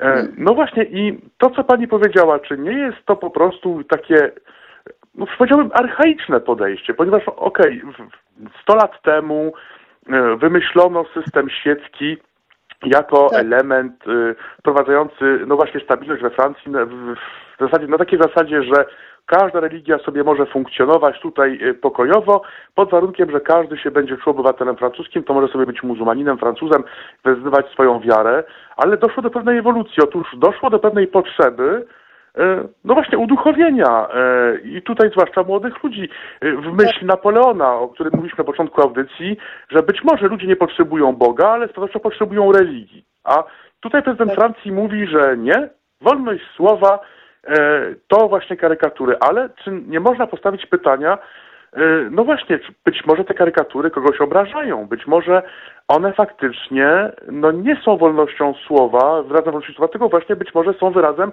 obrazy e, uczuć religijnych. I tutaj właśnie widzimy no pewną jakiś brak po prostu wyczucia sytuacji przez władze francuskie, gdzie dochodzi do no, gigantycznych protestów w świecie muzułmańskim. Nie ma w tym świecie muzułmańskim. Właściwie nie protestują tylko te państwa, co do których doszło sojuszu e, ze światem zachodnim i też nie za sprawą Macrona, tylko właściwie za, za sprawą Trumpa. Tak więc jakby Francja nie wpływała na to. E, protestuje świat muzułmański. Doszło 25 września tego roku do ataku na niewinne e, dwie osoby, które przecież stały, zwyczajnie paliły papierosa pod byłą, podkreślam, byłą siedzibą Charlie Hebdo ponieważ obecny adres Charlie Hebdo jest utajniony, jak wiemy. E, no i osoba, która napadła e, na te dwie osoby pracujące nie dla Charlie Hebdo, tylko dla wytwórni filmowej, e, powiedziała wprost, ona on chciał napaść na pracowników, na dziennikarzy Charlie Hebdo w związku z republikacją tychże karykatur. Tak więc ta definicja, no trudno nie wyobrazić, że ta definicja po prostu czyni niepokój. Znaczy jest pewnym wyrazem e, jakiegoś braku zrozumienia, no i czyni niepokój, e, no nie tylko we Francji, ale właściwie w świecie. No już tutaj nie będę wspominał o Erdołanie, który wykorzystuje politycznie dla swoich celów e, no, te wydarzenia, ale przecież część krajów arabskich, które współpracują z Francją tak militarnie jak gospodarczo, ich rządy mają coraz większy kłopot w uzasadnianiu tej współpracy z Francją, ponieważ obywatele tych państw, takie właśnie jak Katar, Kuwait i Jordania, e, obywatele tych państw czują się obrażeni e, no, przez te karykatury. Prezydent Francji wycofuje się, tak w pewnym sensie, z, no, z tych słów. W wywiadzie, który udzielił telewizja Al Jazeera w zeszłą sobotę, stwierdził, że rozumie tych, którzy się czują urażeni tymi karykaturami, jednakże one pozostają elementem no właśnie wolności słowa, a e, minister kultury Roselyne Bachelot dodaje, że najwięksi francuscy artyści e, e, no właśnie posługiwali się karykaturami i Francja nie może zrezygnować z tych karykatur, ponieważ byłaby to de facto rezygnacja z części jej kultury, ale być może faktycznie czasy się zmieniły przez 100 lat. Być może no takie podejście, gdzie właściwie prezydent zabiera e, głos w sporze po jednej ze stron, a przecież tygodnik Charlie Hebdo publikował karykatury nie tylko, przypominam, proroka Mahometa również publikował karykatury Jana Pawła II e, i nie tylko. Tak, tak, tak. No właśnie, e, karykatury publikował różnych religii. Czy właśnie to podejście nie jest w pewnym sensie no właśnie archaiczne, w tym moje jakby porównanie do Rosji carskiej? Brak rozumienia państwa, pewnej ewolucji, pewnej potrzeby uduchowienia no właśnie młodych ludzi, nie tylko. Jak, jak pani na to patrzy? Panie redaktorze, tu bardzo wiele spraw też e, poruszył Pan e, przy okazji i e, no, pierwsza kwestia to jest, co, co to jest ta kultura laicka, prawda, we Francji.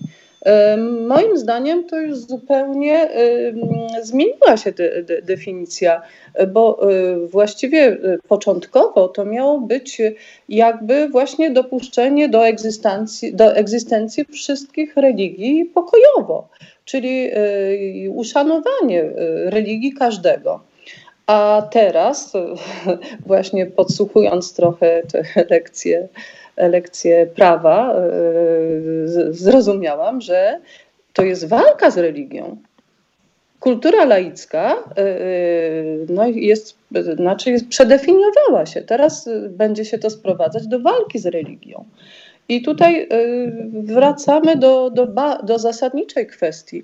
Jak to, dlaczego to młode pokolenie y, reaguje w ten sposób? Dlaczego, y, dlaczego ono jest takie bardzo zagubione? Ono jest zupełnie pozbawione wszelkich korzeni. Ja no, obawiam się, że szkoła francuska nie ma nic atrakcyjnego dla młodego człowieka do zaproponowania. Na pewno pozbawiając, wyjaławiając e, program e, z nauczania nawet religii, z nauczania nawet logiki, prawda, bo to też e, kiedyś to przecież było filozofii, to są bardzo też ograniczone tematy historii, program bardzo ubogi. Czym taki młody człowiek może zainteresować się i jak on może zbudować tą swoją jakby bazę, wykształcić to swoje spojrzenie krytyczne na, na świat. Jeżeli nie będzie miał możliwości jakiegoś przemyślenia spokojnego, wykorzystując swoją wiedzę, to wiadomo, że jak nie ma odpowiedzi, to są reakcje gwałtowne. Także jest inna sprawa, jeszcze bardzo niepokojąca, to jest przerwanie więzi pokoleń. Między pokoleniami.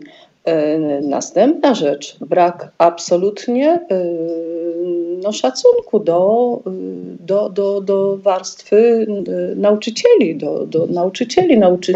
Zawód nauczyciela y, jest teraz y, bardzo zagrożony, także nauczyciel nie jest człowiekiem wolnym. Czyli jak może mieć uczeń, jakikolwiek uczeń, szacunek do osoby, która nie emanuje wolnością? E, tu są, może poruszam takie kwestie, e, e, może związane z, z edukacją, ale uważam, że to jest, to jest naj, najważniejszy obszar w społeczeństwie. To jest właśnie edukacja. Z drugiej strony, jeszcze chyba warto przypomnieć, że we Francji no jest jest kryzys rodziny też. Także nie chcę tutaj podać błędnych e, statystyk e, w, w Paryżu na przykład, ale chyba e, ro, rodzina jedna chyba na dwie się rozpada, albo, albo i, i, i ten procent jest jeszcze bardziej niepokojący. Także jest bardzo wiele dzieci takich po prostu no nie mających żadnych szans, żeby, żeby mieć tę bazę taką gruntowną na, na, na przyszłość. No i kontekst teraz, prawda, taki, że, jest, że są cały czas właściwie bombardowani ci młodzi ludzie strachem, mm, po prostu strachem, e, nie brakiem właśnie tej duchowości, właściwie im się zabrania, można powiedzieć, w chwili aktualnej e, wiary chyba to, chyba to będzie dotyczyć wszystkich, bo na pewno będzie coraz większy nacisk kładziony właśnie na to, żeby nie wypowiadać nawet tych określeń prawda, czy ktoś jest katolikiem, czy muzułmaninem, czy myślę, że to będzie też e, e, przeżywało no, tutaj kryzys. Także ta, ta sprawa mm, e, ta sprawa duchowości, no to chyba jest w społeczeństwie najważniejsza, a Francja nam przypomina teraz no, taką pustynię duchową. Także wiadomo, że islam na pewno mając na uwadze, że to jest y, religia, która polega na ekspansji, prawda, na zdobywaniu y, nowych dusz i nowego terenu, Francja jest y, bardzo teraz myślę dla nich atrakcyjnym gruntem do, do, do zdobycia za wszelkim przyzwoleniem władz francuskich, ale to, to nie tylko za prezydenta.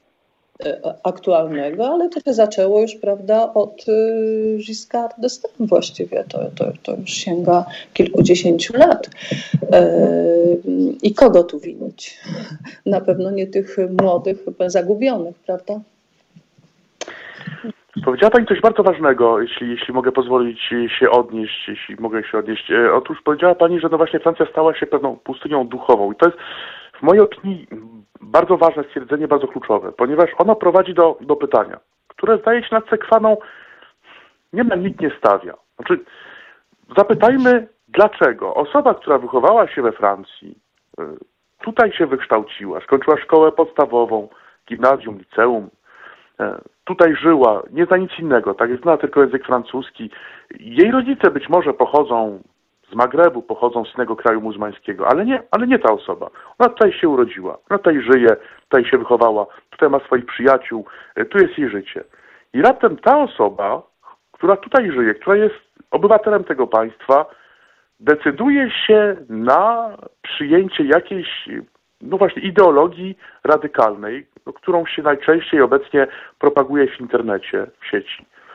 Ta osoba przyjmuje wrogą postawę e, wokół państwa francuskiego, wyjeżdża, aby wziąć udział w jakimś konflikcie, który przecież nie jest jego wojną. Znaczy, no, jak można uznać, że konflikt w Syrii jest wojną tak naprawdę e, młodego Francuza, no przecież ta osoba jest Francuzem, ona tutaj się urodziła, wychowała się, no to kim jest, jeśli nie jest Francuzem? Jest Francuzem. No jak można uznać, że ta wojna jest jego wojną? Mimo to on w tej wojnie chce brać udział, ponieważ utożsamia się z jakąś grupą, wrogą państwu, w którym się wychował, w którym się urodził. Co więcej, ta grupa wysyła go, odsyła go do swojego kraju, do kraju, z którego pochodzi, w którym się wychował, aby, no właśnie, czynić spustoszenia, dopuszczać się potężnych zbrodni. I ta osoba e, dopuszcza się tych zbrodni. Mówi się o tej osobie, że jest potworem, E, oczywiście ta osoba staje się potworem, jest zabójcą, potworem, e, przyczyną wielu krzywd ludzkich, ale e, znaczy, jak produkuje się potwora? Może takie pytanie właśnie, jak produkuje się potwora? Wreszcie, dlaczego jakaś ideologia, to no przecież obca, no, pochodząca z obcego państwa, całkowicie obca kulturowo, obca w, każdej, w każdym wymiarze, powoduje, iż młody człowiek, który no właśnie żyje tutaj, przyjmuje tą ideologię i ta ideologia wygrywa z tym, czego uczono go w szkole. Tak? W szkole właśnie uczono go laicyzmu, uczono go tego, że właśnie e, republika, tak, liberté, égalité, fraternité, e, czyli wolność, równość i braterstwo, no właśnie, jak to, jak to możliwe, ale może zejdźmy na, na troszkę inny poziom, mniej radykalny, mniej drastyczny, mniej dramatyczny. No wielu moich kolegów, Polaków, ponieważ ja wychowałem się we Francji, jak, jak, jak pani wie, jak być może wiedzą słuchacze, no właśnie, powróciło do Polski. Ja również, pomimo to, iż skończyłem całą swoją edukację we Francji, y, przy całym szacunku dla tego państwa, dla tego wszystkiego, co to państwo mi dało, dało mi bardzo wiele. E, jestem za to bardzo wdzięczny każdemu prezydentowi, który e, w tym kraju urzędował od mojego pobytu, od, od, od kiedy tutaj przyjechałem z, z, rodzicami. Jestem wdzięczny podatnikowi francuskiemu, jestem wdzięczny Francji. Mówię to całkowicie szczerze, jestem wdzięczny za to wszystko, co Francja mi dała. Jednak francuska szkoła nie sprawiła e, iż stałem się Francuzem, nie asymilowała mnie. To znaczy, e, jak byłem młodym człowiekiem, dla mnie e, bohaterem był Kościuszko, był Puławski, moimi bohaterami byli powstańcy warszawscy, byli powstańcy śląscy, ponieważ pochodzę z Górnego Śląska, była Armia Krajowa, był nurt ponury, czyli szefowie dowódcy oddziałów partyzanckich, wreszcie druga konspiracja, Łupaszka, inni. E, oni byli moimi bohaterami, moim bohaterem, e, moim mentorem był Sienkiewicz, był Mickiewicz, e, e, Czesław Miłosz, to byli, to byli moi autorzy. Dużo bardziej niż na przykład e, Wiktor Hugo, Zola, czy właśnie ci autorzy, o których uczono nas w szkole, ponieważ ja tych e, autorów oczywiście się uczyłem. E, poznawałem ich twórczość z pełnym szacunkiem. To działo się w dzień, ale wieczorem uczyłem się autorów polskich i to oni mnie fascynowali. Fascynował mnie polski romantyzm, ta walka o wolność, o niepodległość. Trylogia, Kmicic, pan Wołodyjowski, oni byli moimi bohaterami. E, e, dużo bardziej niż Trzech Muszkieterów. Właśnie. A więc, no jak to jest? No przecież wychowałem się w tym kraju, tak wiele mu zawdzięczam. Jednak nie zasymilowałem się. No właśnie, bardzo ciekawa teza e, e, o tej pustyni duchowej. E, Jak pani na to patrzy? No ja, ja, ja bardzo dobrze rozumiem pana redaktora, bo to samo obserwuję. E, Ja prowadząc szkołę tutaj polonijną we Francji od 12 rok ją, ją już pro- prowadzę. E, Poprzednio uczyłam w szkole tutaj przykonsularnej historii polskiego i no bardzo wielu uczniów właśnie miałam okazję i wychować i, i potwierdzam, potwierdzam to, co, co, co pan redaktor mówi, że właściwie ta szkoła nasza polska e, to kompletowała o to, czego e, ko- e, kompletowała to wychowanie, prawda, tą edukację, można powiedzieć, która mm, po- pogłębiała i, i, i o te treści wzorców, bo no niestety szkoła francuska chyba z poprawności politycznej, bo myślę, że z tego lęku, że niemalże mm, każdy temat no, gro, gr- grozi czymś, znaczy jest jak, jakimś tam potencjalnym zagrożeniem, także lepiej mm, odstawić po prostu na bok taką postać, która nie wiem, miałaby jakieś powiązania podejrzane, nacjonalistyczne czy religijne właśnie. Czyli nie można, trudno we Francji znaleźć teraz taki wzorzec, który mógłby służyć no, takiej mieszance y, społecznej. E, Także y, no, ta, ta, ten, ten program we Francji staje się coraz bardziej uboższy. To samo y, proszę zauważyć, no, historia też prawda, kształtuje tę wiedzę mm, o świecie, taką kulturę osobistą.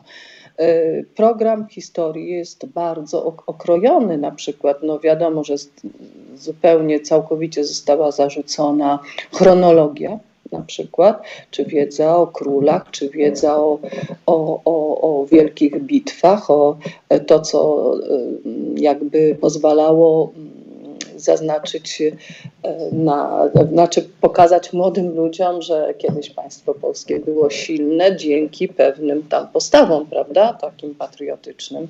E, Kwest, temat patriotyzmu jest e, zabroniony, także e, tak, e, szkoła jest tak osaczona poprawnością polityczną, że dzieci, dla, dla młodych ludzi e, po prostu nie ma wzorców, bo każdy wzo- wzorzec e, jest, jest potencjalnym za- e, zagrożeniem. E, Także faktycznie tak to jest, że młodzież, wiemy, że każdy młody człowiek szuka wzorców.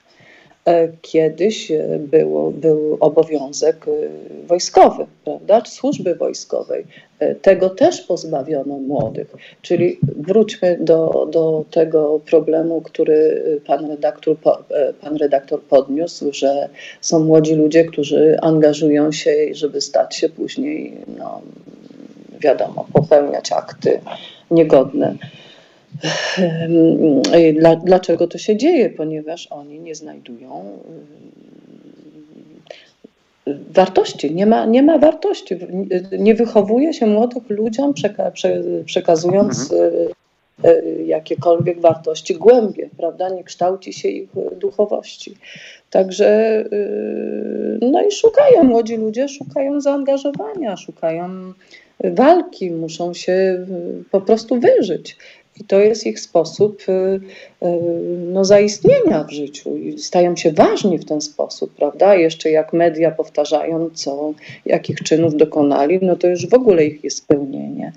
I powiada się, że przecież według tam ich y, religii, no to jest później obiecane, prawda, wieczna szczęśliwość. Także Y, oni nawet nie wiedzą w imię czego angażują się, ale się angażują. Także młodzi ludzie potrzebują zaangażowania, potrzebują y, y, takiego starcia, prawda, z niebezpieczeństwem. A cóż tutaj im się to, to, to, to życie materialne, bo to właściwie tylko, tylko to im się proponuje, jakieś tam e, w mediach reklamy, prawda, co jeszcze można nowego kupić, co, co zjeść i ewentualnie, no to wiadomo, że jest przyzwolenie i na handel narkotykami i tutaj też im się zostawia wolną rękę. E, no i, i tak, tak to wygląda, tak, tak się niszczy naród po prostu, szczególnie to młode pokolenie, które teraz nie widzi przyszłości.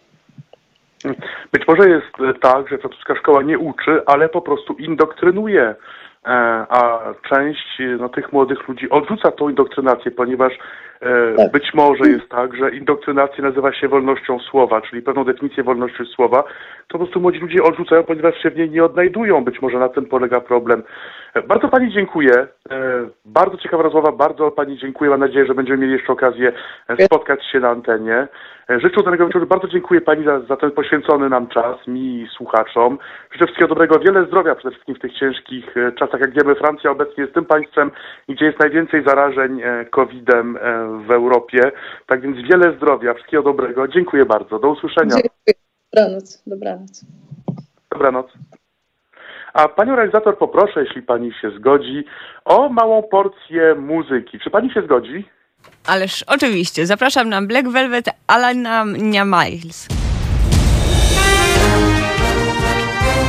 Halo Radio. E, witam ponownie. Zbigniew Stefanik e, dla Państwa e, na antenie Halo Radia. Dla tych słuchaczy, który, którzy właśnie być może do nas dołączyli, rozmawiamy o Francji, o różnych problemach, które występują we Francji. Tak problemach społecznych, jak religijnych. Mówiliśmy o kłopotach francuskiej szkoły i właśnie o francuskiej szkole będziemy nadal rozmawiali, ponieważ naszym następnym, następnym rozmówcą jest nauczyciel. Czynny nauczyciel, który chce zachować anonimowość, ponieważ z racji wykonywanego swojego zawodu no nie chciałby być e, e, widziany jako osoba, no być może, tego nie wiemy, ale być może e, krytykująca w pewien sposób francuski system edukacyjny. Z pewnością żaden szef, żadne ministerstwo nie lubi, jak jego podwładny pracownik go krytykuje. Tak więc pan Tomek, bo tak będziemy go nazywali, jest nauczycielem o mm, niemal tożsamym, właściwie tożsamym profilu, e, jak nauczyciel, który został zamordowany 16 e, października tego roku w Conflans-Saint-Honorin. E, pan Tomek, z którym będziemy rozmawiali za chwilę, jest nauczycielem historii i geografii, naucza również wiedzy o społeczeństwie. I dowiedziałem się, że właśnie pan Tomek do nas dołączył. Witam pana, panie Tomku. Dobry wieczór, panie doktorze i wszystkim słuchaczom. E, przede wszystkim dziękuję panu za to, że chciał pan wziąć udział w tej rozmowie i przede wszystkim chciałem powiedzieć państwu, e, wszystkim słuchaczom, iż pan Tomek e, sam nauczył się po polsku z własnej inicjatywy.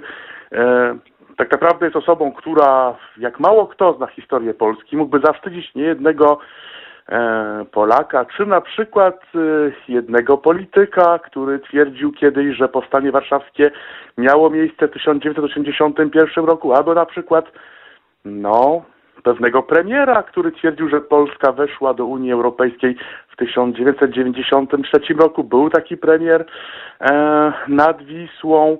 E, pan Tomek jest e, z tych ludzi, którzy mają po prostu Polskę w sercu. E, tak więc to jest to z pewnością godne szacunku. Ja jestem pod wielkim wrażeniem tego, jak pan Tomek no właśnie kultywuje swoją polskość, jak sam nauczył się języka. E, wielkie gratulacje, panie Tomku, proszę ze mnie przyjąć. No, dziękuję, dziękuję bardzo, panie redaktorze. E, ja chciałbym porozmawiać... Tak, Jeśli pan pozwoli, to właśnie, pan tak naprawdę jest e, nauczycielem o podobnym profilu e, jak zamordowany nauczyciel e, w Conflans-Saint-Honorin. Ja chciałem pana zapytać, no, ponieważ prezydent Macron ogłosił wielkie zmiany w francuskim systemie edukacyjnym, co pan o tym myśli? Czy do tych zmian już doszło i czy tak naprawdę problem we francuskim systemie edukacyjnym pojawił się 16 października, tak naprawdę problem y, istniał już dawniej, tylko po prostu być może nikt nie chciał go zauważyć, a teraz się go y, zauważyło z powodów politycznych. No właśnie, co pan nam powie o polskiej szkole? Jak wygląda pana praca nauczyciela w szkole francuskiej? tak naprawdę mm, problem istnieje od dawna. To znaczy, że mm, takie problemy już istniały w różnych miastach dużych francuskich, w różnych dzielnicach, gdzie właśnie są takie getta, ale teraz ten problem się rozprasza na cały teren Francji. A to znaczy, że ja na przykład uczyłem w takiej szkole, gdzie jest zwłaszcza ludzie z, z pochodzeniem i ja tam widziałem taka sprzeczność do społeczeństwa francuskiego, to znaczy, że tam dzieci od małego chyba słuchają od rodziców um, taka nienawiść do Francji, do kultury francuskiej, bo to właśnie jest kultura świecka albo katolicka. Ja byłem tam zastępcą i widziałem, że na piórnikach dzieci mieli napisane Wiwat Palestyn albo Nie jestem Charlie. A do nauczyciela nowego to robili takie mgiełkę, mówili po arabsku między sobą albo po afrykańsku i robili taki naprawdę duży bałagan. I po prostu, kiedy na przykład spytałem się e, niektórym e, uczniom, żeby się przedstawić, to od razu, tak na żart, ale to nie był żart, niektórzy powiedzieli takie rzeczy jak e, to na Koranie, chciałbym, żeby Francja została zniszczona. I od razu cała, cała klasa klaskała. I to byli dzieci, które mieli tylko 12 lat. To nie są najtrudniejsze dzieci. Kiedy już mają 15-16 lat, to już stwarzają się inne problemy gwałtowne problemy na przykład. Są takie uczniowie, które w ogóle nie mają szacunku do Francji, do nauczycieli, do dorosłych ludzi. To nie jest tylko taki problem społeczny, to jest taki problem socjalny. I nie chodzi tylko o biedy, chodzi tutaj o kultury. To znaczy, że e, odrzucają kultury kraju, który ich przyjmował. Oni przechodzą z ich własną kulturę islamską i oni chcą tego powolutku, krok po kroku instalować sobie Francji. I często mają podwójną mowę.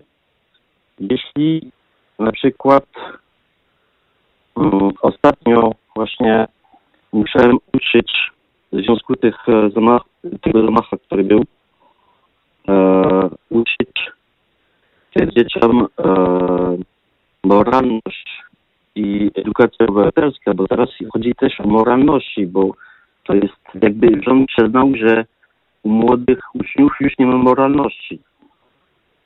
Muszę je powiedzieć, że prawo francuskie, prawo Republiki Francuskiej ma pierwszeństwo na prawo religijne. A w Kasze, tutaj gdzie jestem, e, jest mało muzułmanów, ale debata, którą miałem, była tylko z, z tymi tyma, tymi uczniami. A reszta, reszta dzieci po prostu patrzy w dół. I oni mi powiedzieli, że nie zgadzają się ci muzułmani, że dla nich tak nie może być, bo nie mogą się sprzeciwiać z własną religią. I, I tutaj jest ciężko, bo oni mają jakby podwójną wierność. Po prostu chcą, chcą być Francuzami i chcą być też muzułmanami. I powiem jest, że tutaj jest jakaś sprzeczność. Nie mogą i szanować religię, i szanować wszystkie prawa francuskie. Chodzi na przykład o wolność słowa. Tutaj nie przejmują w ogóle karykatury, bo prorok Mahomet nie może być e, narysowany. I tak mi wytłumaczyli jeszcze ostatnio. I ja teraz mówię nie o tych dzieci z Gerta, ale dzieci muzułmanie, takie, takie średnie po prostu. I, i ja tu widzę tylko w Francji, to, to już się zaczęło w krajach muzułmańskich i teraz to wchodzi do Francji, że to jest jakby reislamizacja muzułmanów. Chodzi tu to, dla mnie, mi się wydaje, że e, islam nie może się całkowicie dołączyć do do, do kraju katolickiego albo do kraju świeckiego, bo to jest sprzeczne. Um, jak to powiedzieć? Um, czyli, pana, czyli pana zdaniem e, jakby jest sprzeczność tak, pomiędzy byciem muzułmaninem, załóżmy ktoś jest muzułmaninem i byciem obywatelem francuskim, tak bycie fra obywatelem francuskim jest sprzeczne po prostu de facto pana zdaniem z religią muzułmańską i tutaj nie da się tego przejść, tak? Jakby jestem muzułmaninem, nie mogę być obywatelem, jestem obywatelem, nie mogę być muzułmaninem, więc to niekompatybilne pana zdaniem, tak? Można, ale tylko pod względem, że nie jest całkowicie muzułmaninem. Bo islam to jest też projekt polityczny. Islam to jest kodeks cywilny też. A kiedy jest aplikowany, to już jest sprzeczny z, z, z legislacją, z, z prawa francuskim. Tak mi się wydaje. Ja, ja, czytałem w prasie, to są takie informacje, które czasami widać, które się nie ro, rozprasza za dużo, się nie ogłasza, ale jedna czwartka, bo jedna trzecia muzułmanów we Francji jest za prawo islamskie, czyli szaria, które całkowicie jest sprzeczne z wartościami Republiki Francuskiej.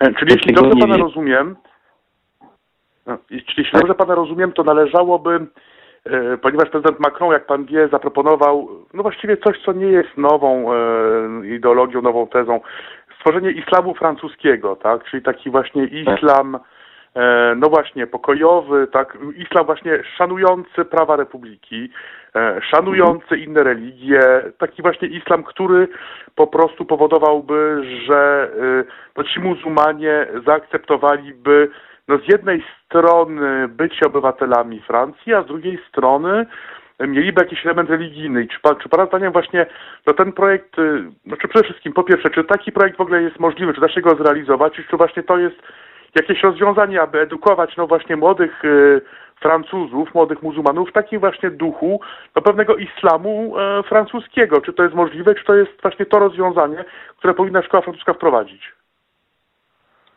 Będzie ciężko, szczerze mówiąc. Mi się wydaje, bo e, ci, którzy mają taki projekt, to są ludzie, którzy przypominają sobie w historii francuskiej, że właśnie laicizm był prowadzony przez e, polityków III Republiki Francuskiej XIX wieku. I oni mieli projekt faktycznie trochę, jakby, nie wiem jak to powiedzieć inaczej, trochę zniszczyć kościół katolicki, który był potężny wtedy. Ale przez rewolucji francuskiej, przez ten laicizm, katolicyzm się e, dostosował do Republiki Francuskiej.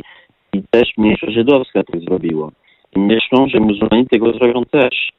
Ale jak jeszcze ostatnio miałem w tym tygodniu przykład z um, ucznią, uczniową, że powiedziała mi, że taki imam, który przedstawia się w mediach, telewizji, który właśnie taki um, taki, taki pokojowy, taki otwarty do innych religii do, i, do, i, do, i do szanowania republiki, w ogóle nie reprezentuje żadnego muzułmana.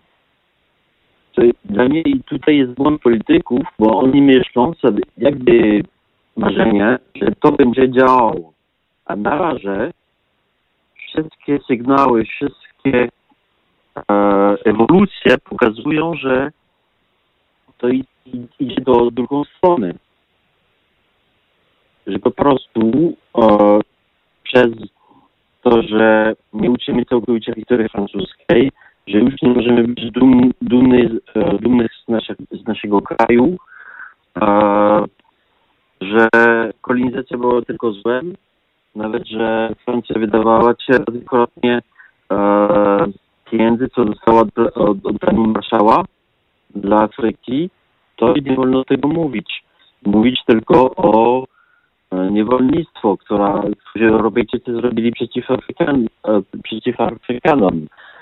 I, to, tutaj jest zawsze, zawsze taki, e, taki temat, że musimy pokorę zrobić że po prostu Francuzi są złem i źle zrobili i teraz musimy zrobić skruchę, że musimy przejąć wszystkich e, ludzi z innych krajów i tak dalej.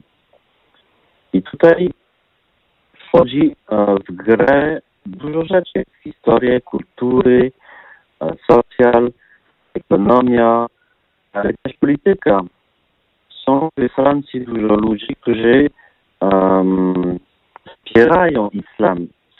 Często to są ludzie świeckie, ateiści nawet, z um, skłonności politycznej raczej z, z lewacy, e, left-wing parties e, i po prostu mieszają trochę socjalizm albo komunizm z religią muzułmańską, bo oni tutaj sobie znaleźli e, taki proletariat zastępczy. Bo dla nich to są tylko biedni ludzie, którzy są zaatakowani, tak samo jak mniejszości żydowskie e, międzywojenne albo przed wojny, kiedy, kiedy tak naprawdę nie jest do końca, bo ja tak naprawdę napadu Francuzów na mniejszości muzułmańskich nie widziałem nigdy tutaj w Francji, ale na odwrót widziałem to często. Ja... Może e, jeśli, jeśli pan pozwoli e, jedno słówko. E, może po prostu problem szkoły francuskiej polega na tym, że francuska szkoła nie stosuje tego, co we Francji się nazywa vivre ensemble, czyli żyć razem. Może tu szkoła francuska, właśnie jak mówiliśmy wcześniej, zajmuje się pewną indoktrynacją, czyli jest pewna metoda nauczania, jest pewna, no właśnie, interpretacja historii, czyli wiadomo, kto jest zły, kto jest dobry i właśnie koncentrujemy się na tej kolonizacji, na, na tym, kto był dobry, kto był zły, e, ale nie koncentrujemy się na tym, jak dzisiaj po prostu żyć razem, tak? E, jak sprawić, żebyśmy wszyscy mogli tutaj żyć razem, e, żeby nie dochodziło do, no właśnie do tworzenia przepaści, właśnie murów, tylko y, po prostu y, system edukacji być może nie bierze tego pod uwagę, e, jak, bo mówi Pan o samobiczowaniu się, ale no właściwie faktycznie zdaje się, że o tym mówi się wiele, ale nie proponuje się żadnego remedium. Otóż mówimy o faktycznie pewnych wydarzeniach,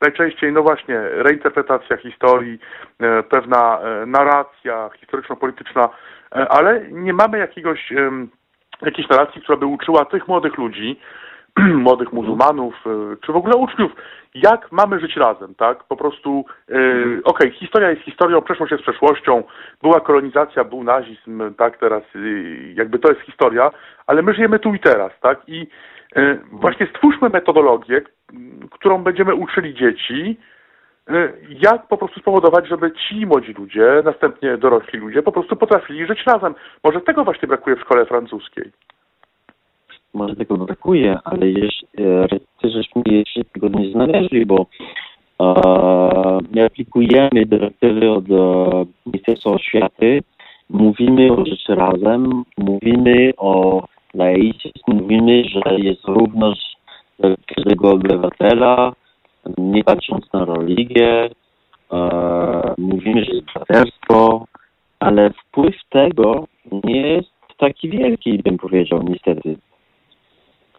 Może może trzeba by było znaleźć całkowicie inne metody nauczania, nie wiem, ale mm, mi się wydaje, że tutaj jeszcze ci mniejszości na razie mniejszości muzułmańskie mogą sobie mogą się rozpoznawać w tym, że, że jest republika dla wszystkich, ale to zależy co. Jeśli coś im dotyczy i im się nie podoba, to tego nie przejmą, nie przejmą mi się wydaje. Jeśli chodzi na przykład o, o to, że krytykuje się religia w szkole, albo się uczy religia pod względem historycznym, a nie pod względem um, jak powiedzieć, wiarności. No ale należy jednak wziąć pod uwagę fakt, że no, ci muzułmanie, oni tutaj żyją, znaczy oni tutaj się urodzili, wychowali się e, i, no i zostaną tu we Francji. Znaczy, no trudno wyobrazić sobie, aby oni w jakiś sposób, nie wiem, mieli odejść w najbliższym czasie, no ponieważ oni innego kraju nie mają. Oni urodzili się tutaj, mają obywatelstwo francuskie i no ich deportacja jest niemożliwa, no bo, no bo chyba tylko z Francji do Francji, ponieważ no, oni nie mają mhm. innego państwa, tak więc no trudno wyobrazić sobie, aby ci ludzie po prostu zniknęli jakaś metoda e, z pewnością nauczania jest potrzebna, aby tutaj ci ludzie mogli żyć i aby ta wspólnota narodowa była jakoś zachowana. Tylko no właśnie pytanie, ponieważ prezydent Francji mówi, że ma taką metodę, e, mówi, że właśnie całym problemem e, francuskiej szkoły jest to, że jest ona tak naprawdę narażona na wpływy zewnętrzne, czyli z jednej strony mhm. młodzi Francuzi uczą się gdzieś w domach, a nie w szkole, właśnie we wspólnotach rodzinnych, gdzie tam, no właśnie, uczy się ich y, rzeczy niezgodnych z prawem republiki, z prawem świeckim. Z drugiej strony finansowanie z zagranicy, no, które ma powodować, że y, no właśnie te organizacje radykalizują się i prowadzą działalność radykalną, y, niezależną niejako od państwa, ponieważ za fundusze z zagranicy. Prezydent Francji właśnie proponuje, aby odtąd nauczali religii, e, kultury, języków, no właśnie arabskiego, tureckiego, nie tylko, nauczyciele wyłącznie akredytowani we Francji, czyli już żadnej nauki z zagranicy, czyli wypowiadamy te umowy dwustronne pomiędzy Francją, Turcją, Marokiem, Tunezją i odtąd mhm. uczymy e, właściwie wszystkiego tylko własnymi siłami. E, jak pan ocenia taką metodę? Czy ta metoda może się sprawdzić? Ta metoda się sprawdzi, ale tylko częściowo, bo to tylko do, dotyka częściowo, cały problem. Często się mówi o reformy, żeby, żeby rozwiązać taki problem e, kulturowy, ale zwłaszcza to są tylko, tylko anonsy. A kiedy to nie są anonsy, to są reformy, to prawda. To są takie małe reformy porównane się z problemem. I kiedy pan mówi, że mają ten tylko ten kraj ci ludzie. No to tak, dużo, dużo tych młodych ludzi, którzy tutaj się wychowali, to już jest drugie, trzecie albo czwarte pokolenie, ale jednak duża część tych, e, tej wspólnoty mają jednak teraz e, środki komunikacyjne, które nie istniały przedtem. Telefon, Skype, patrzą satelitarnie, patrzą telewizję z Algierii, i jedą często do, do kraju raz, dwa, trzy razy w roku. Nie wszyscy oczywiście, trzeba, trzeba mieć możliwości finansowe, żeby to zrobić, ale to już jest duża część tej wspólnoty. Mają kontakt, żyją tutaj między Francuzami niby, ale i też żyją ze swoim krajem. I, i to widać, kiedy jest jakiś mecz piłki nożnej albo kiedy cokolwiek dotyczy kraj, to od razu pokazują flagi, ale nie francuskie. Kiedy się im się pyta wprost, na jaki kraj idzie ich serce, to nie, nie powiedzą Francji często, nie, nie zawsze, ale najczęściej tak jest. I um, ale kiedy już czują jakby atakowani i żeby i że jakby ich obecność we Francji uh, już jest zakwestionowana, to już powiedzą, że są Francuzami, bo i są i Francuzem tego kraju i też to prawda, ale mm, to jest właśnie kwestia integracji i asymilacji, o której Pan mówił. E, integracja e, to jest po prostu e, płacić podatki, iść do pracy, być dobrym obywatelem. Asymilacja to zostać Francuzami. A zostać Francuzem to znaczy przyjąć całą, całą kulturą francuską i całe i szanować całe prawo francuskie. I to, i to też łącznie z e, prawem wolność słowa i, i wartości Republiki. Nie wiem, czy byłem jasny. Jak najbardziej, tylko ja zadaję sobie, sobie takie pytanie, bo e, no faktycznie mówimy i mówiliśmy o tym również z innymi rozmówcami, że dla tych ludzi, e, dla imigrantów, dla ich dzieci właśnie, model ich kraju, nawet nie powiedziałbym pochodzenia, ponieważ przecież oni są rodzeni we Francji, ale ich kraj pochodzenia ich przodków, ich rodziców, ich rodzin, tak, ich przodków generalnie rzecz biorąc, jest dla nich bardziej atrakcyjny e, kulturowo e, niż właściwie Francja, w której żyją, a przecież we Francji, no umówmy się, żyje się dobrze, to znaczy młody człowiek ma naprawdę duże, duże szanse na, na rozwój osobisty, francuska szkoła jest bezpłatna, e, no wiadomo, nie wszędzie tak jest, no jednak Francja należy do tych krajów, które dba o, o aspekty socjalne, być może znajduje się również w grupie tych państw dbających najbardziej na świecie wręcz o aspekty socjalne e, swych obywateli. No więc, no właśnie pytanie, no jak to jest, że ci młodzi korzystają tak naprawdę z, no, z dobrodziejstwa tego kraju, żyją w dobrych warunkach, te warunki zapewnia im państwo. E, jednak e, pomimo tych dobrych warunków, pomimo tego, że tutaj naprawdę żyje im się dobrze, wybierają kulturowo swoje kraje, znaczy kraje w ogóle pochodzenia swoich przodków i wolą ten model, który tam jest propagowany, przecież być może pewna wizja, pewien stereotyp tego modelu od modelu mhm. francuskiego, którego się uczy ich w szkołach. Jak to wytłumaczyć? Jak to wytłumaczyć? właśnie to jest moc kultury, moc religii. Mm, po prostu, jak powiedzieliśmy, żeby zostać Francuzem, trzeba być asymilowany, to znaczy zostawić część własnej kultury, część własnej religii, która jest sprzeczna, po prostu albo minimum w domu, albo po prostu tego zlikwidować. Tego oni nie chcą. To znaczy to w fakcie, że po prostu wprowadzająco mieli tam tutaj. I to jest niby jakaś forma kolonizacji. I demograficznie, i kulturowo. I widać teraz nawet u młodych uczniów i u młodych pokolenia we Francji, że zaczyna się nawet jakby integracja albo asymilacja do góry nogami. Młodzi e, uważają, że to jest e, modne słuchać jakiś rap, który po prostu e, jest taki koloryzowany bardzo, bardzo w kulturze getta muzułmańskie, często agresywne, często antyfrancuskie i, i też używają nawet takie od czasu do czasu jakieś tam słowa arabskie.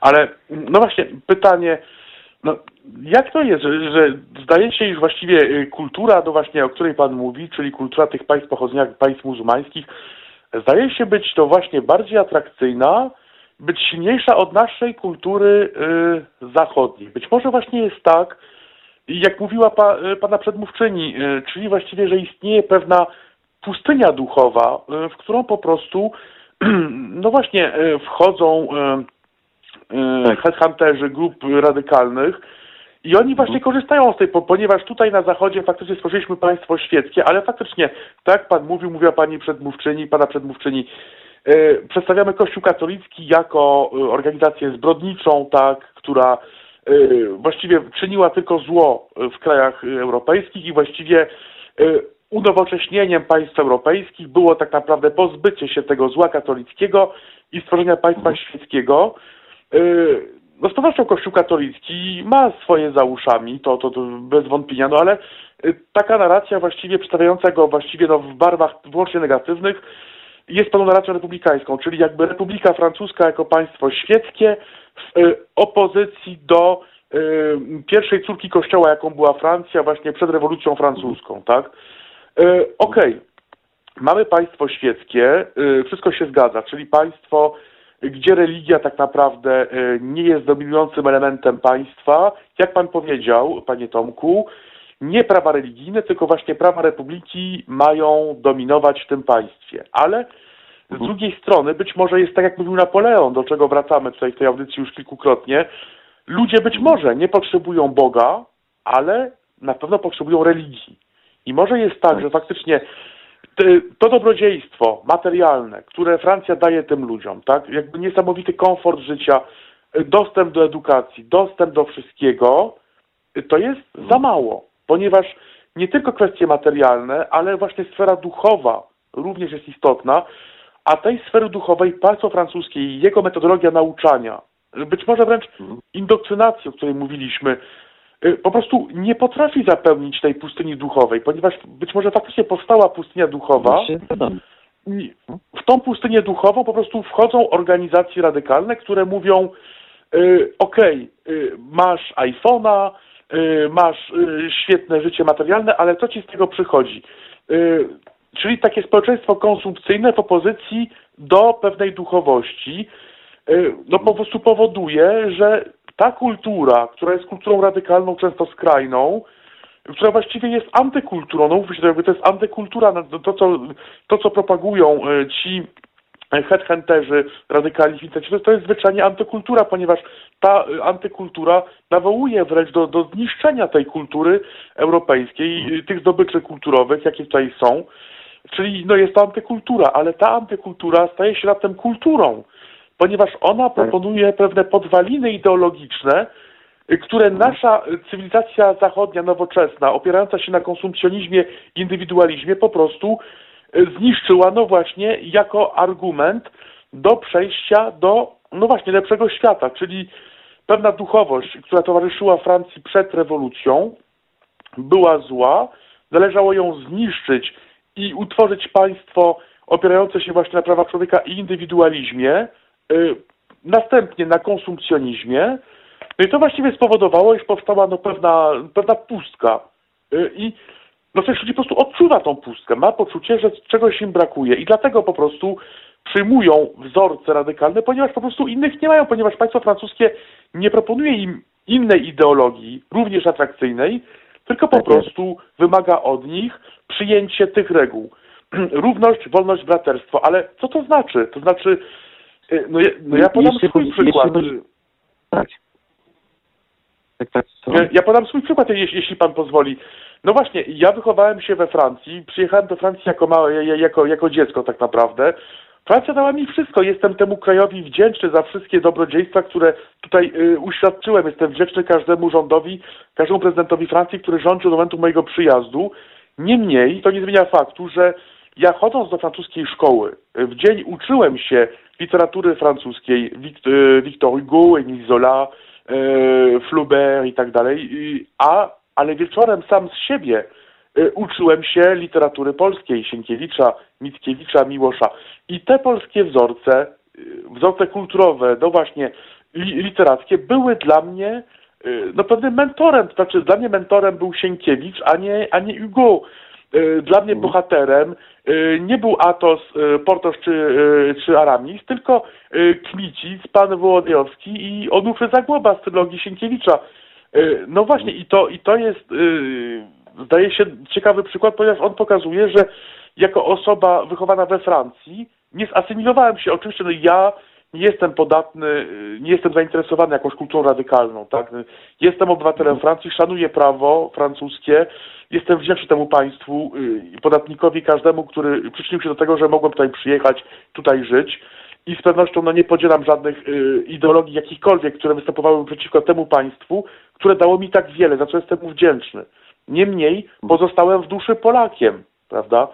Y, ale dlaczego? No przecież y, przecież y, można było założyć, że stanę się Francuzem. Tutaj byłem w szkole i tak dalej. Y, jakby no, spędziłem tutaj y, całe swoje dzieciństwo, młode życie, życie młodego człowieka. Niemniej moje serce zawsze biło po stronie polskiej. Y, I właśnie, być może, no właśnie, ta, y, ta pustynia ideologiczna, ta pustynia duchowa spowodowała, że moje serce nie zabiło po francusku, tylko dalej bije po polsku. Y, jak pan na to się zapatruje? A, to znaczy, że tutaj pan do, doty, dotyka różne tematy. Ja chciałem dodać do, do, do, do tego, co co mówił, że faktycznie we Francji jest e, pustka duchowa. Jest pustka duchowa, bo są ludzie tutaj we Francji, którzy są zwolennikami republiki, że myślą, że laizm albo nawet ateizm to jest jakaś jakby forma ideologia i to jakaś forma religii prawie nawet. Ale, ale to nie jest, to są wartości. Wartości to jest prawo, ale i tradycje jakby. Ale tutaj jakby jakby jak to powiedzieć, nie ma prawie już religii we Francji. ludzie, którzy chodzą e, często do, do kościoła, na przykład, jeśli chodzi o wspólnoty katolickiej, to jest jakieś 5-6% ludzi, to jest bardzo mało. Czyli de facto religia muzułmańska jest pierwszą religią pra praktykowana we Francji. I wartości są takie trochę słabe, jeśli chodzi porównać się z religią, z ideologią, która jest taka um, um, która chce podbić jakby nowe tereny, która ma celem e, nawrócić cały świat. I jeszcze jeśli chodzi o asymilację, o której Pan powiedział, ciężko będzie, bo po prostu asymilacja działa, kiedy te mniejszości, które ostatnio niby mieli przejść do Francji, mieli się asymilować, ale byli mniejszościami. Tutaj chodzi o miliony i miliony ludzi, których nigdy tak dużo nie było. Nawet Francja była od XIX wieku pierwszym krajem na świecie, który przyjął imigrację. Tak nigdy nie było, procentowo nigdy tak nie było dużo ludzi z obcych korzeniami. Można asymilować człowieka, ale wspólnoty nie. Hmm. Czyli właściwie Pana zdaniem to jest tak, że powstało pewno, pewne państwo w państwie, tak? Czyli jakby ci ludzie, e, oni zamiast asymilować się we Francji, e, po prostu sobie stworzyli jakoś, jakiś swój świat, mówiąc, mówiąc kolokwialnie. Nie stworzyli, nie stworzyli do końca. Nie stworzyli do końca. Tego stwarzają teraz. Krok po kroku. Krok po kroku wprowadzić jakieś tam jakieś tam jakieś rzeczy, jakieś e, tradycje, które są muzułmańskie. Dzielić kobiety od mężczyzny. Mieć e, e, jakieś tam godziny otwarcia do synu tylko dla kobiet. Możliwość no, nosić e, chusteczkę na głowie albo jakieś tam inne muzułmańskie ubrania. Mm, ale właśnie może... to się robi krok, no właśnie... to się robi krok po kroku i jeszcze do tego e, mówicie o tym, o radykalizacji tak jest, tak jest. i intimidacji, ale niestety historia nam pokazuje, że nawet mniejszości, w mniejszościach, które są uradykalizowane, wystarczają, żeby wpłynąć na całą jakąś tam wspólnotę. Czyli właściwie wniosek z tego, e, co mówimy, co Pan mówi, z czym ja, z czym ja się częściowo zgadzam, jest właściwie, aby zmienić e, no, ten negatywny trend, czyli coraz większa dezintegracja w sumie e, tych grup, właściwie należy stworzyć jakiś atrakcyjny model duchowości, który po prostu no, uduchowi tych ludzi i sprawi, że nasza, nasz, nasze wzorce duchowe będą bardziej atrakcyjne od y, radykałów. Panie Tomku, ja panu bardzo dziękuję za rozmowę. Chciałem jeszcze raz panu pogratulować y, pana poziomu polskiego. Naprawdę jestem pod wielkim wrażeniem osoba, która sama się uczyła i która sama zadbała o to, aby no właśnie zatrzymać y, swoją, swoją Polskę w sercu. No jest pan właśnie takim prawdziwym przykładem tej no, najlepszej integracji. Osoba no właśnie z rodziny polskiej, wychowana we Francji, która ma serce i francuskie, i serce polskie, czyli polsko-francuskie. To jest bardzo piękne i tego panu gratuluję. Dziękuję panu bardzo za rozmowę. Dziękuję. Dobry wieczór. Halo Radio. Pierwsze radio z wizją.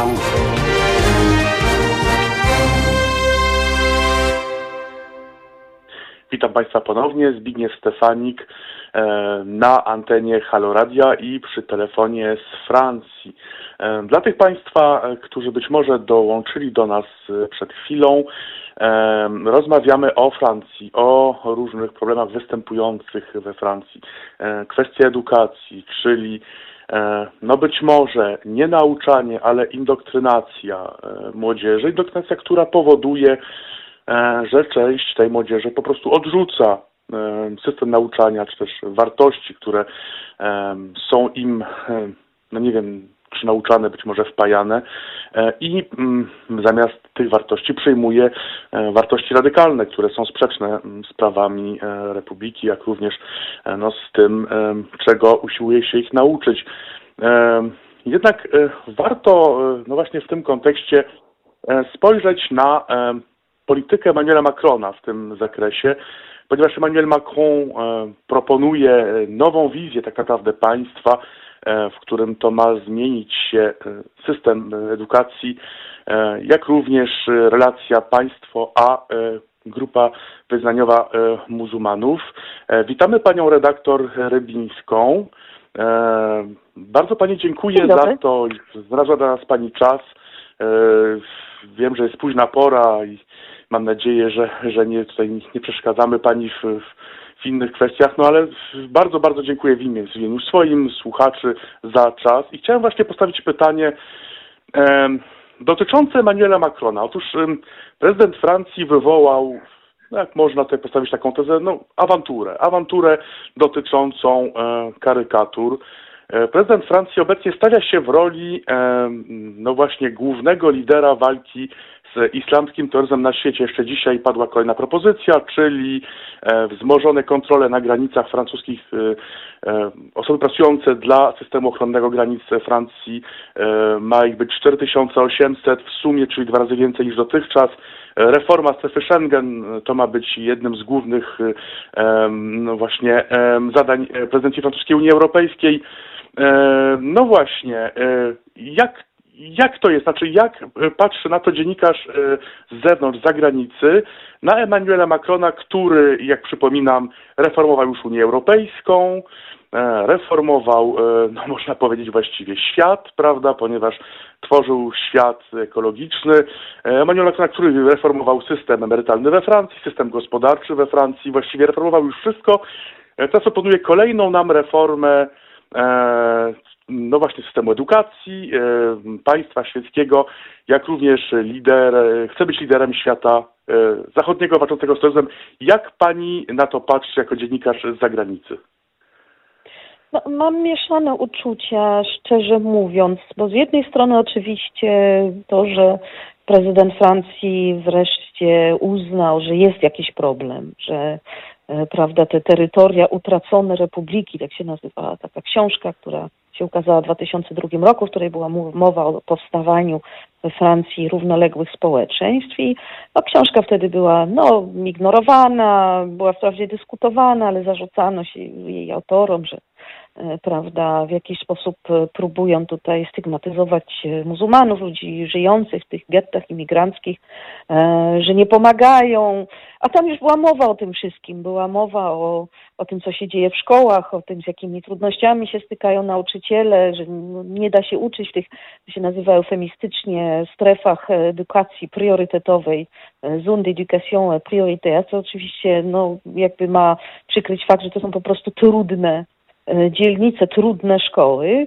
No i e, nauczyciele przez lata od ukazania się tej książki, przecież to było prawie 20 lat temu, nie mogli się doprosić e, jakiejkolwiek pomocy ze strony państwa, uznania nawet tych problemów, o których mówią. No i to, że to się teraz zmienia, to oczywiście należy się z tego cieszyć. Natomiast z drugiej strony, no jest też trochę późno, znaczy jest późno, ponieważ Tych muzułmanów we Francji jest bardzo wielu. Oni się nie sekularyzowali w pewnej mierze, w dużej mierze nawet, wbrew temu, czego można było się spodziewać.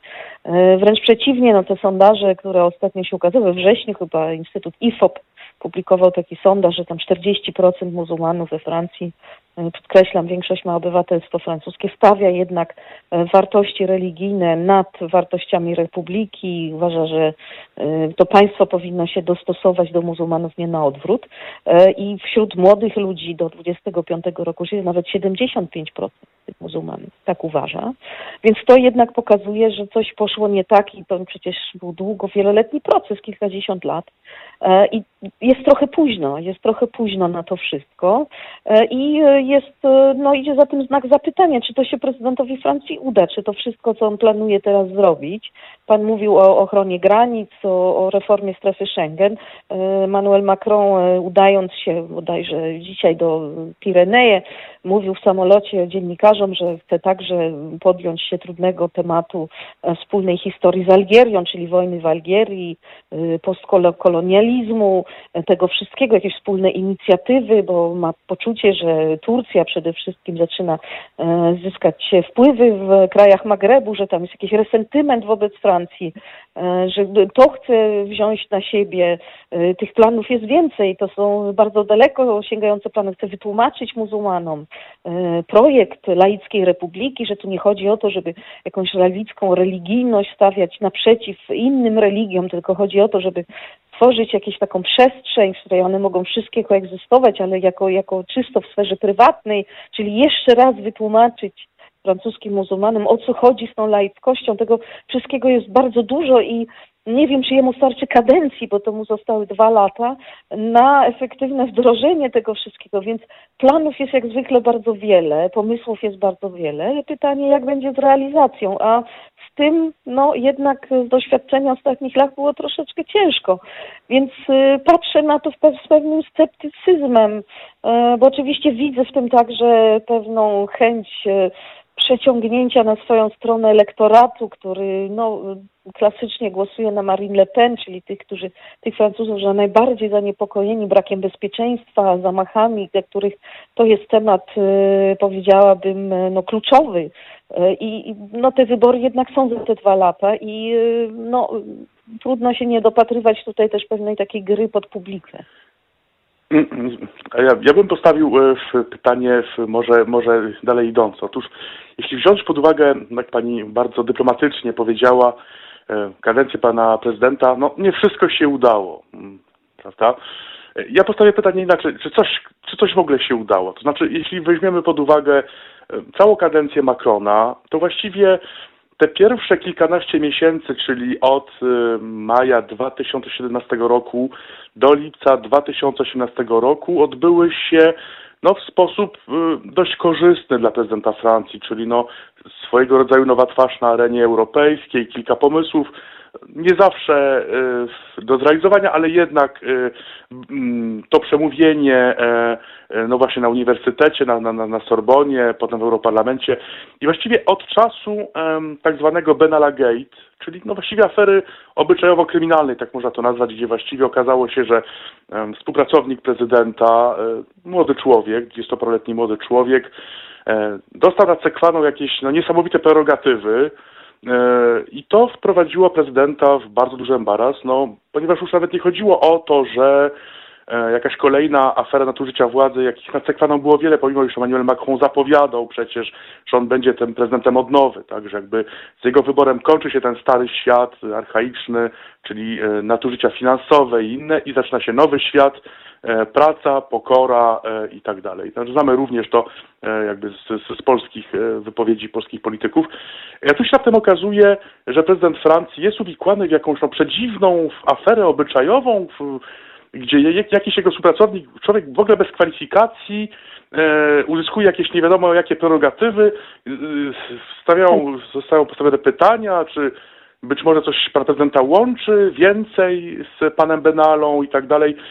E, I to powoduje, że w tym momencie Emmanuel Macron po prostu traci wiarygodność. To znaczy, coś się kończy, tak? Kończy się ta era nowego polityka, jakiejś nowej twarzy i zaczyna się po prostu era no, prezydenta no, no niemal niewiarygodnego, nie, ch nie chcę użyć słowa śmiesznego, ale właściwie od tego momentu wszystko idzie nie tak.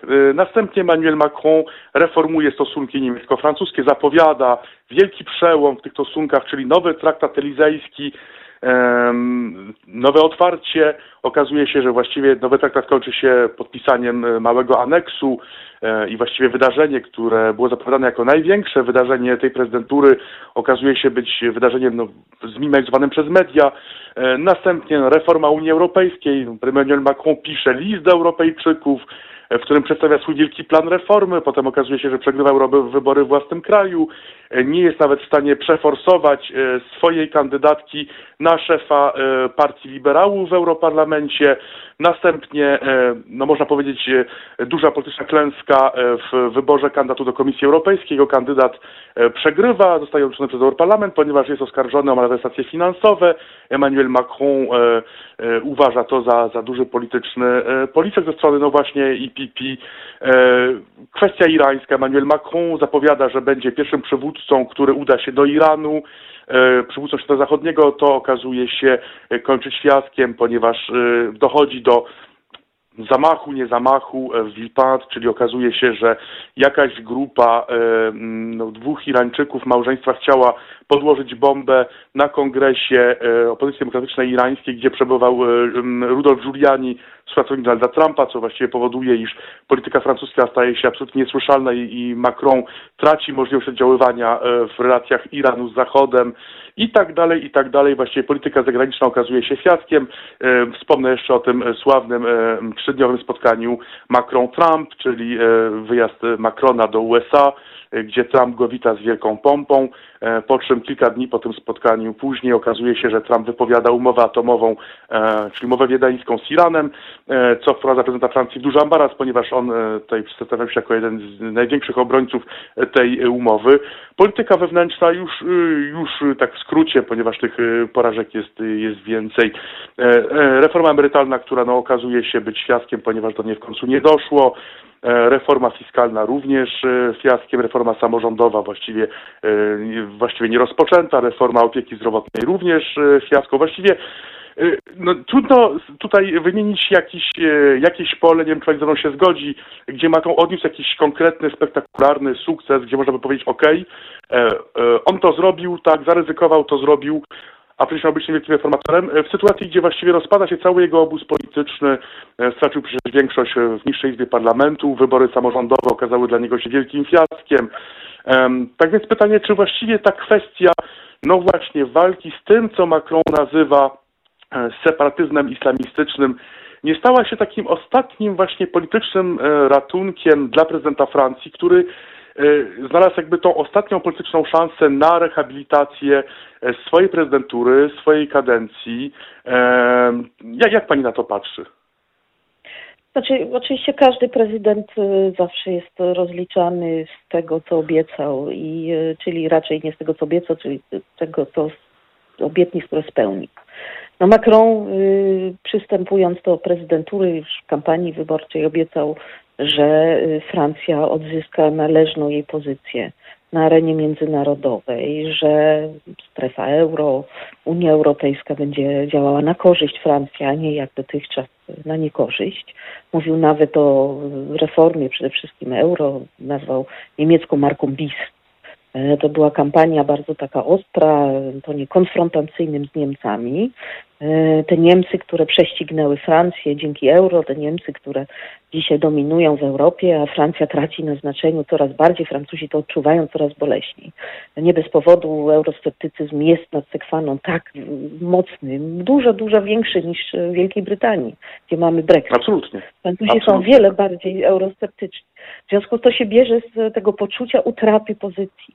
Przecież przez ostatnią dekadę we Francji powstają wyłącznie książki o upadku. I one wszystkie mają upadek w tytule. Upadek Francji, upadek, po prostu degrengolada, staczanie się, utrata tych wpływów, e, tej chwały. Francja to jest potęga atomowa, to jest, e, e, to powinno być państwo, które prowadzi własną politykę zagraniczną, niezależną od i ośrodka atlantyckiego, czyli od Stanów Zjednoczonych. Francja de Gaulle'a ciągle przywoływał tego de Gaulle'a, przypominał o nim, odwoływał się do jego spuścizny nie bez powodu. To wszystko Macron chciał zrobić, e, ta Francja miała postać e, niczym Feniks z popiołów. To się oczywiście nie spełniło, ponieważ odbiło się od absolutnie żelaznej ściany niemieckiej, e, braku gotowości Niemiec do współpracy w tych znacnych planach. Czyli krótko mówiąc, Macron odbił się od nie pani kanclerz Angeli Merkel, na tą reformę Unii Europejskiej, strefy euro.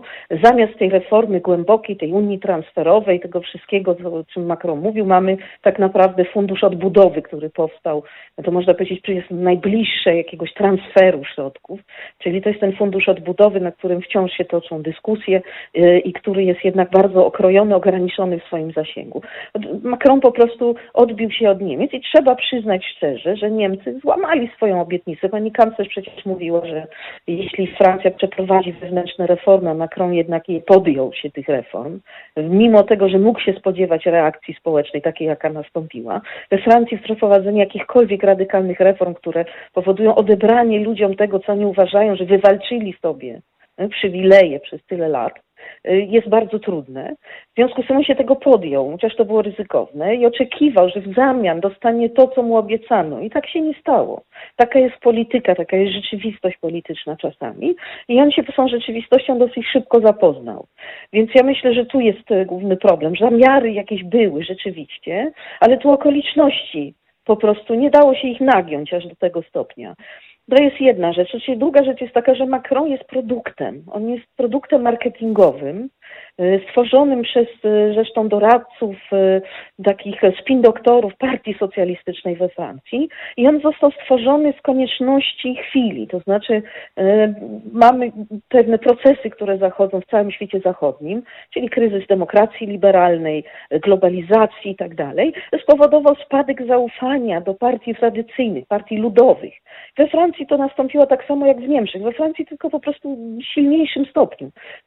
Socjaliści w zasadzie spadli na same dno sondaży. E, tak samo było e, z centroprawicą. Jeszcze tam kandydat na prezydenta François Fillon się uwikłał w jakąś aferę, jakiś skandal polityczny. I trzeba było stworzyć coś, co by było ponad to, e, poza tymi tradycyjnymi partiami. I to zostało stworzone i, i to coś to był właśnie Emmanuel Macron. I jak bardzo to jest wydmuszka, widać po tej partii, po La République en Marche to jest jego formacja polityczna. Po tej która której właściwie już nie ma, prawda? Która się właściwie rozpada. Której właściwie już nie ma, która się skończyła zanim się zaczęła, która nie miała żadnego umocowania y, lokalnego, tak? Nie miała po prostu w regionach, y, w tak, wspólnotach lokalnych, nie miała żadnego umocowania. Była nieobecna, nie istniała. Ta przegrana wybory samorządowe bierze się też stąd, że tam po prostu nie ma Le Marche.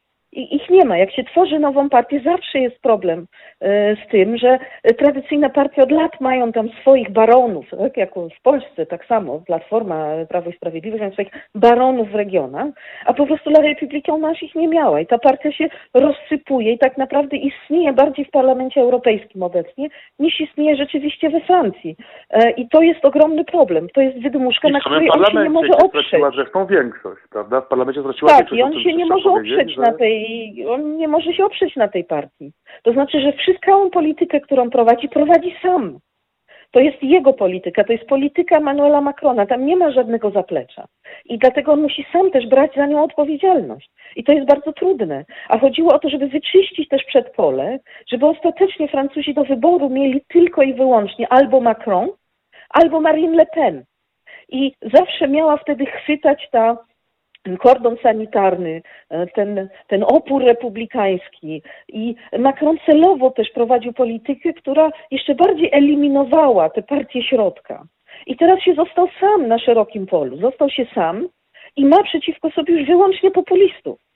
I to jest z jednej strony korzystne bo może liczyć na to, że Francuzi w takiej sytuacji będą mieli taki wybór, wybiorą jego, ale jest także ryzykowne, bo jeśli na przykład będą zamachy, tak jak teraz, jeśli na przykład sytuacja bezpieczeństwa się pogorszy, e, jeśli będzie poważny kryzys finansowy, to ludzie mogą postawić właśnie na populistów. I wtedy rzeczywiście już nic tej sytuacji nie uratuje, bo innych kandydatów nie będzie. Więc on zdecydował się na taką polityczną grę, no i niestety musi ponieść jej konsekwencje. Tak to po prostu jest.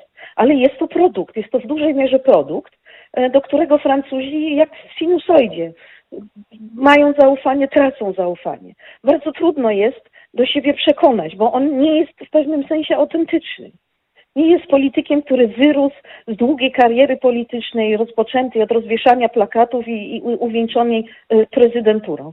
Więc to w pewnym sensie działa na jego niekorzyść. Ale rzeczywiście on chyba tutaj teraz, w tej chwili zrozumiał, że jest konieczność działania, dlatego że rzeczywiście y, tu jest bardzo duże ryzyko dla niego, że on te wybory może przegrać w 2022 roku.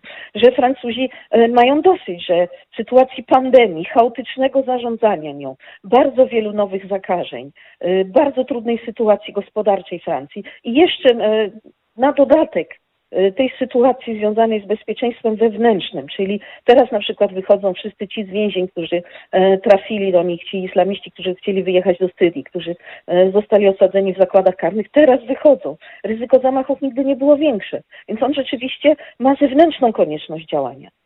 I on te działania podejmuje. Tylko e, wątpliwości są oczywiście wokół tego, czy e, to się da wszystko tak szybko załatwić. I to, co się nie dało zrobić przez dziesiątki lat, można teraz za wstrzyknięciem palców e, po prostu szybciutko załatwić. Przede wszystkim ta cała strategia nie bierze pod uwagę wszystkich tych, którzy mieszkają we Francji, są francuskimi obywatelami, urodzili się tam i nie wiadomo, no co z nimi zrobić. Wśród no nich właśnie. są radykałowie.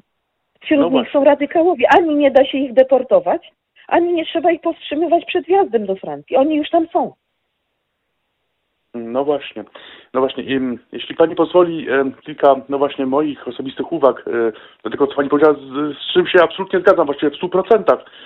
Znaczy, jeśli chodzi o samą elekcję Macrona, e, to było tak, że Francja bardzo wystraszyła się, e, naprawdę wystraszyła się elekcji Trumpa w Stanach. Ponieważ we Francji powstało takie takie przekonanie, że Trump jest agentem rosyjskim, że właściwie jego, za, za jego elekcją stoi, stoi Moskwa i właściwie, jest człowiekiem Putina. E, I Francja postanowiła się przed tym bronić. Dlaczego właściwie doszło no bo od, tego trzeba wyjść, jeśli chcemy mówić o Macronie. No bo Macron właściwie to polityk, który powstał w 2014-2015 roku. Był ministrem gospodarki, nikt wówczas go nie znał, wcześniej był pracownikiem kancelarii prezydenckiej. Owszem, działał w partii socjalistycznej, ale to jako działacz e, no, niższego szczebla jeszcze w grupie Sztroskana. E, po odejściu Stroskana e, w wyniku afery, seksafery, właściwie no nie ma Macrona w polityce, jest on tak naprawdę pracownikiem banku, no nie zajmuje się polityką. Tak więc to nie jest polityk z krwi kości, jakich znamy we Francji, czyli prezydent Chirac, na przykład prezydent Chirac początek kariery politycznej, e, samorządowiec, parlamentarzysta, następnie minister, premier e, i tak dalej, i tak dalej, w końcu prezydent Francji, czyli przeszedł wszystkie szczeble e, francuskiego państwa, tak e, samorządowe, jak e, centralne. No i właściwie zna to państwo no, z różnych stron, podobnie Sarkozy, e, François Hollande, a Macron nie. Macron właściwie pochodzi, no można powiedzieć, z sektora prywatnego, troszkę działał gdzieś w polityce, był ministrem gospodarki, to takie we Francji mało istotne ministerstwo, Ministerstwo Gospodarki, nie mające wpływu, takiego wpływu na, na, na wydarzenia e, nad, nad Sekwaną. I raptem staje się prezydentem, wykazujący tak naprawdę no właściwie brak zrozumienia dla, dla Francji, która jest bardzo skomplikowaną materią. Pierwszy jego akt właściwie jest wypowiedzenie wojny samorządowcom, ponieważ decyduje likwidować e, podatek lokalny, właściwie nie uzgadniając tego absolutnie z nikim i e, doprowadza do wielkiej awantury e, no właśnie z, z samorządowcami. Ale ja chciałem troszkę o czymś innym, ponieważ ja na początku tej audycji postawiłem pewną tezę i chciałem zapytać się Pani, czy Pani się z tą tezą zgodzi. Otóż moja teza polega na tym, że Dzisiejsza Francja e, przypomina właściwie Rosję carską e, z początku XX wieku, czyli właściwie państwo e, przestarzałe, archaiczne, instytucje archaiczne, kłopoty kulturowo-religijne. Jedyną odpowiedzią państwa na te kłopoty to właśnie pałka, ponieważ Francja jak z pewnością pani wie, ma kłopoty z wolnością słowa i w ogóle z prawami człowieka, o czym zresztą świadczą wydarzenia z okresu żółtych kamizelek, że właściwie Francja znalazła się w takim, w takim momencie, w którym znalazła się Rosja carska na początku XX wieku, czyli państwo, które próbuje się jakoś zreformować. Znaczy, ta, ta, ta próba jest w jakiś sposób zauważana, tylko że te próby są po prostu nieudolne, za małe, nieskuteczne. E, jeśli się Państwo tego zgodzi, to chciałem postawić pytanie, E, czy jest tak, że Francja już na tym etapie jest skazana na podzielenie los Rosji carskiej? Wiemy, jak się skończyło państwo, e, czyli Rosja carska. Czy jeszcze na tym etapie jest jakaś szansa na zmianę, na reformę polityczną, społeczną? Czy Francja po prostu, czy Piąta Republika e, ma jeszcze jakąś przyszłość polityczną, społeczną, gospodarczą?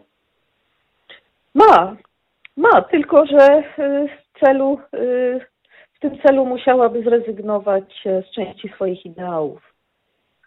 To zresztą pojawia się, przewija się jako temat teraz bardzo intensywnie we francuskich mediach. Mamy konstytucjonalistów francuskich, e, różnych innych ekspertów, byłych e, ministrów, którzy mówią, no cóż, żeby rzeczywiście zwalczyć islamski terroryzm, Francja musi w jakiś sposób zawiesić konstytucję, co najmniej częściowo, musi zrezygnować z państwa prawa, musi e, w jakiś sposób też zrezygnować z części swoich zobowiązań europejskich. I to jest mówione otwarcie, e, żeby móc deportować skutecznie islamistów, no, trzeba w jakiś sposób e, zignorować ich prawa, trzeba ich po prostu wywozić, nie bacząc na, na nic. Trzeba internować ich. E, to na to nie pozwala francuska konstytucja, na to nie pozwala karta, Europejska Karta Praw Człowieka. Deportacja trudnia Europejski Trybunał Praw Człowieka. Jeżeli grozi deportowanemu, grożą tortury w jego kraju pochodzenia, nie ma umów o readmisji z wieloma krajami, e, gdzie można by tych ludzi deportować, trzeba by je stworzyć, bez, nie patrząc na nic. E, trzeba by tych ludzi osadzać w zamkniętych ośrodkach, to też w tej chwili nie jest możliwe. Czyli Francja musiałaby zrezygnować z części swoich humanistycznych ideałów, e, którymi zresztą e, między innymi, które nam, jak Polakom, także stawia jako wzorzec, e, musiałaby po prostu zrezygnować z państwa prawa, żeby to było skuteczne. I to jest bardzo trudne i nie wiem, czy Francja się na to zdobędzie. Inaczej, tak ostrzegają w każdym razie ci eksperci, znów nic z tego nie będzie. To znaczy, to się wszystko rozejdzie po kościach E, no nie można walczyć e, z terroryzmem stosując do tego takie instrumenty. Francja musi się wyposażyć w odpowiednie instrumenty, a to będzie miało daleko sięgające konsekwencje. I tu jest pytanie, czy Emmanuel Macron jest człowiekiem, który będzie potrafił to zrobić. Będzie ogromna na to reakcja, będzie mimo wsparcia w tej chwili innych państw europejskich, Komisji Europejskiej. No, jeżeli Francja zacznie tak działać, jak działały Stany Zjednoczone po zamachach z 11 września 2000 akt i de facto zawieszenie też państwa prawa, no, y, no to będzie jakaś reakcja na to i ta reakcja będzie bardzo, bardzo ostra. Nie wiem, czy Emmanuel Macron jest na to gotów, ale eksperci mówią, że inaczej się zwyczajnie nie da, bo te równoległe społeczeństwa już istnieją. Emmanuel Macron, on mówił, oni nie przejdą, oni już dawno przeszli, oni są, oni są bardzo mocno osadzeni we francuskim społeczeństwie. To są Francuzi, trzeba by im odebrać obywatelstwo francuskie to by był krok e, bezprecedensowy. Przypominam, że Nicolas Sarkozy planował coś takiego. E, była o tym mowa podczas jego prezydentury, nawet była ustawa przygotowana pod to, ale był tak wielki, wielka, wielki wrzask i taka wrzawa, że on się nie odważył, nie zdecydował się na to.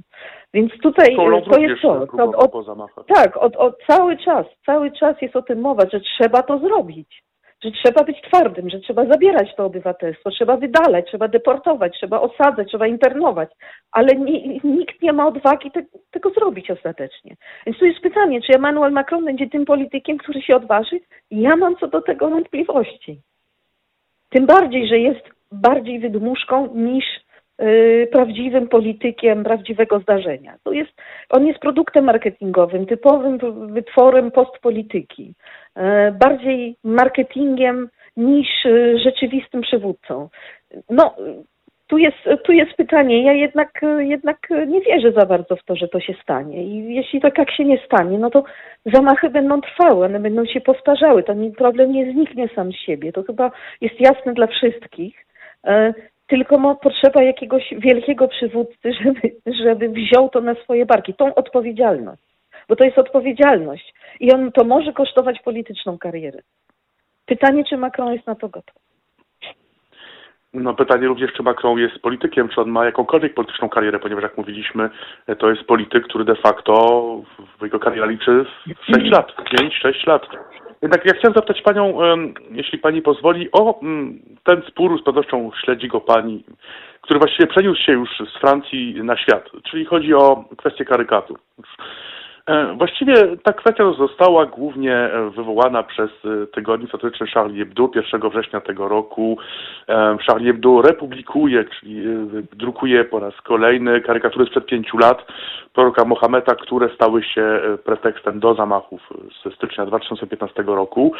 We Francji rozpoczyna się debata dotycząca tych karykatur. W tej debacie zabiera głos Emmanuel Macron, udzielając jednoznacznego wsparcia Charlie Hebdo i pisze na Twitterze, cytuję, we Francji bluźnierstwo jest dozwolone.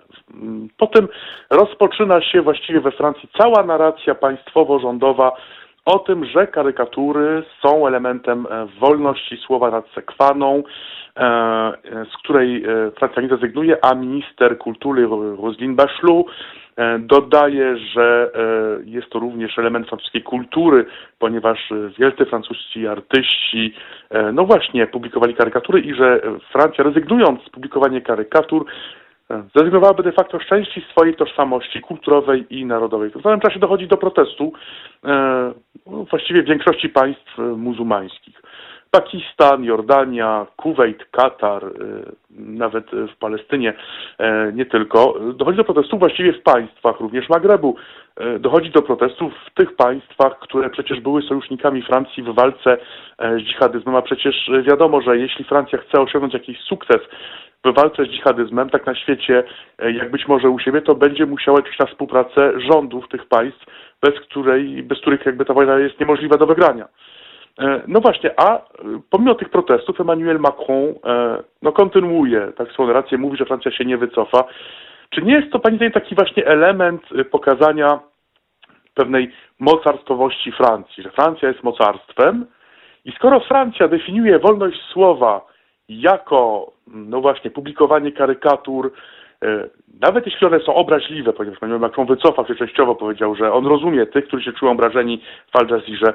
Nawet jeśli one są obraźliwe, to nic to, ponieważ Francja jest mocarstwem i świat się musi dostosować do tej definicji, e, która powstała nad Sekwaną, ponieważ jest to definicja francuska i świat mają przyjąć, a ten świat mówi nie, my jej nie przyjmujemy, nie zgadzamy się, co powoduje, że właściwie Emmanuel Macron no, po raz kolejny traci wiarygodność. I właśnie pytanie, na ile Emmanuel Macron jeszcze jest wiarygodny e, w jakichkolwiek e, projektach, planach sytuacji, no, gdzie faktycznie no, zdaje się, iż o wojnie o karykatury, no wojnie, o której przecież stracili życie konkretni ludzie, tak, no, trzy zamachy. E, no, pytanie powstaje, czy Charlie Hebdo nie ma jakiejś odpowiedzialności moralnej no, w tych atakach, no, zwłaszcza w tym ataku, które miało miejsce przed byłą siedzibą Charlie Hebdo. Czy te karykatury nie są obraźliwe, czy one nie dolewają oliwy do ognia? Wreszcie taka narracja Macrona, z której się teraz Macron wycofuje, czy ona jest skuteczna? E, no właśnie, jak pani to odbiera jako dziennikarz e, z, z zagranicy? Ja nie uważam, że to jest y, dobra metoda walki z, ani z islamizmem, ani nie jest to dobra metoda wyjaśniania muzułmanom wolności słowa. E, ja oczywiście uważam, że wolność słowa jest podstawową wartością. Tu się z prezydentem Macronem całkowicie zgadzam.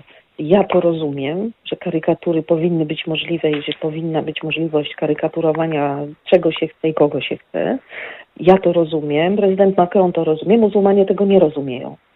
I to się nie zmieni. Muzułmanie nie zaczną tego rozumieć, ponieważ prezydent Macron e, uważa, że powinni. E, tak się nie stanie.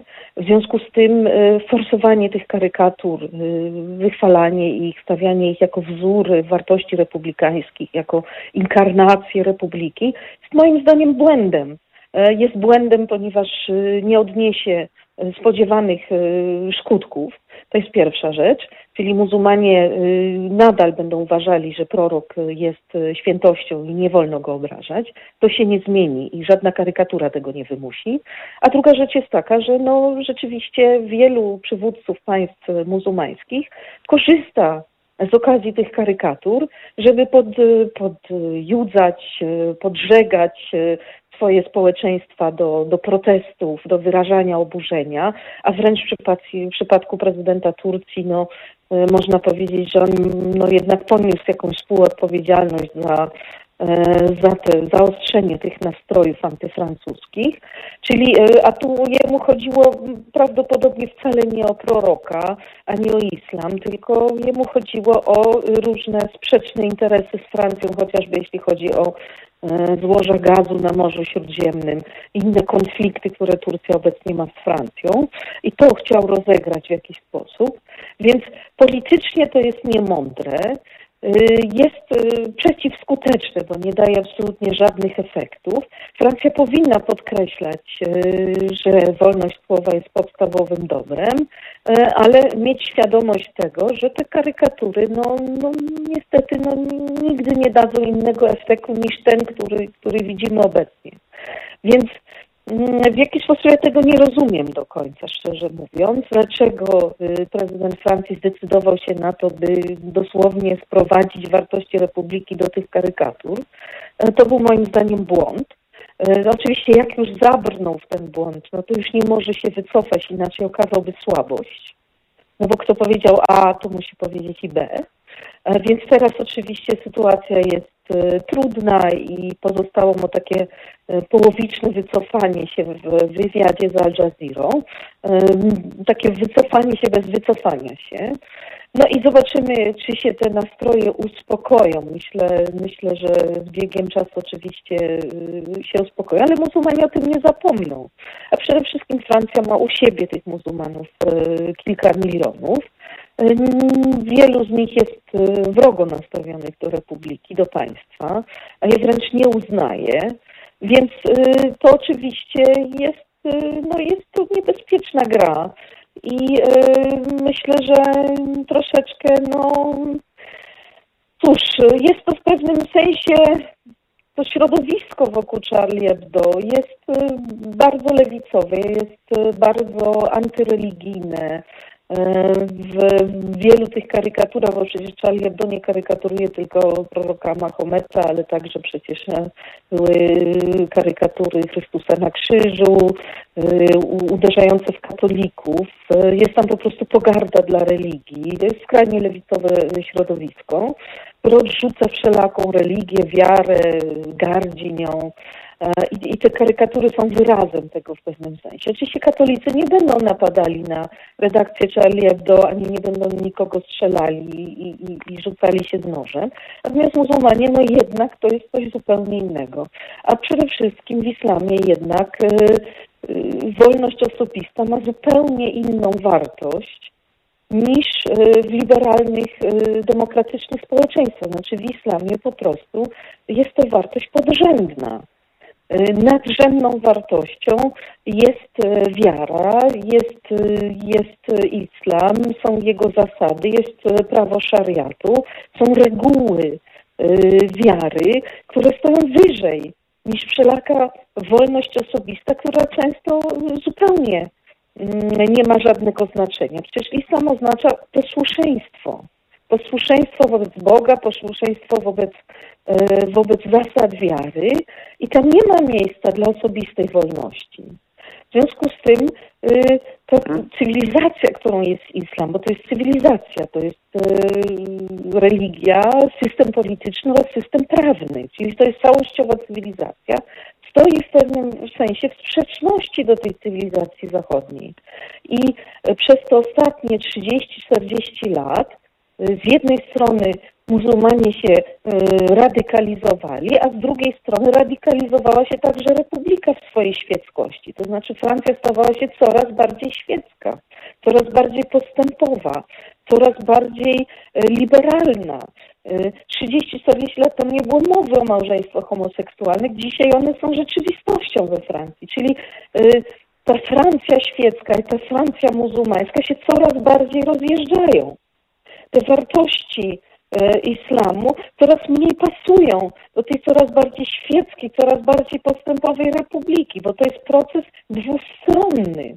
To znaczy, z jednej strony mamy radykalizację muzułmanów, a z drugiej strony mamy postępującą radykalizację e, tej laickiej republiki. I jest coraz mniej punktów styczności. I w tym momencie, gdy się wrzuca do tego takie karykatury, które są dla muzułmanów obraźliwe, no to rzeczywiście wznieca się pożar.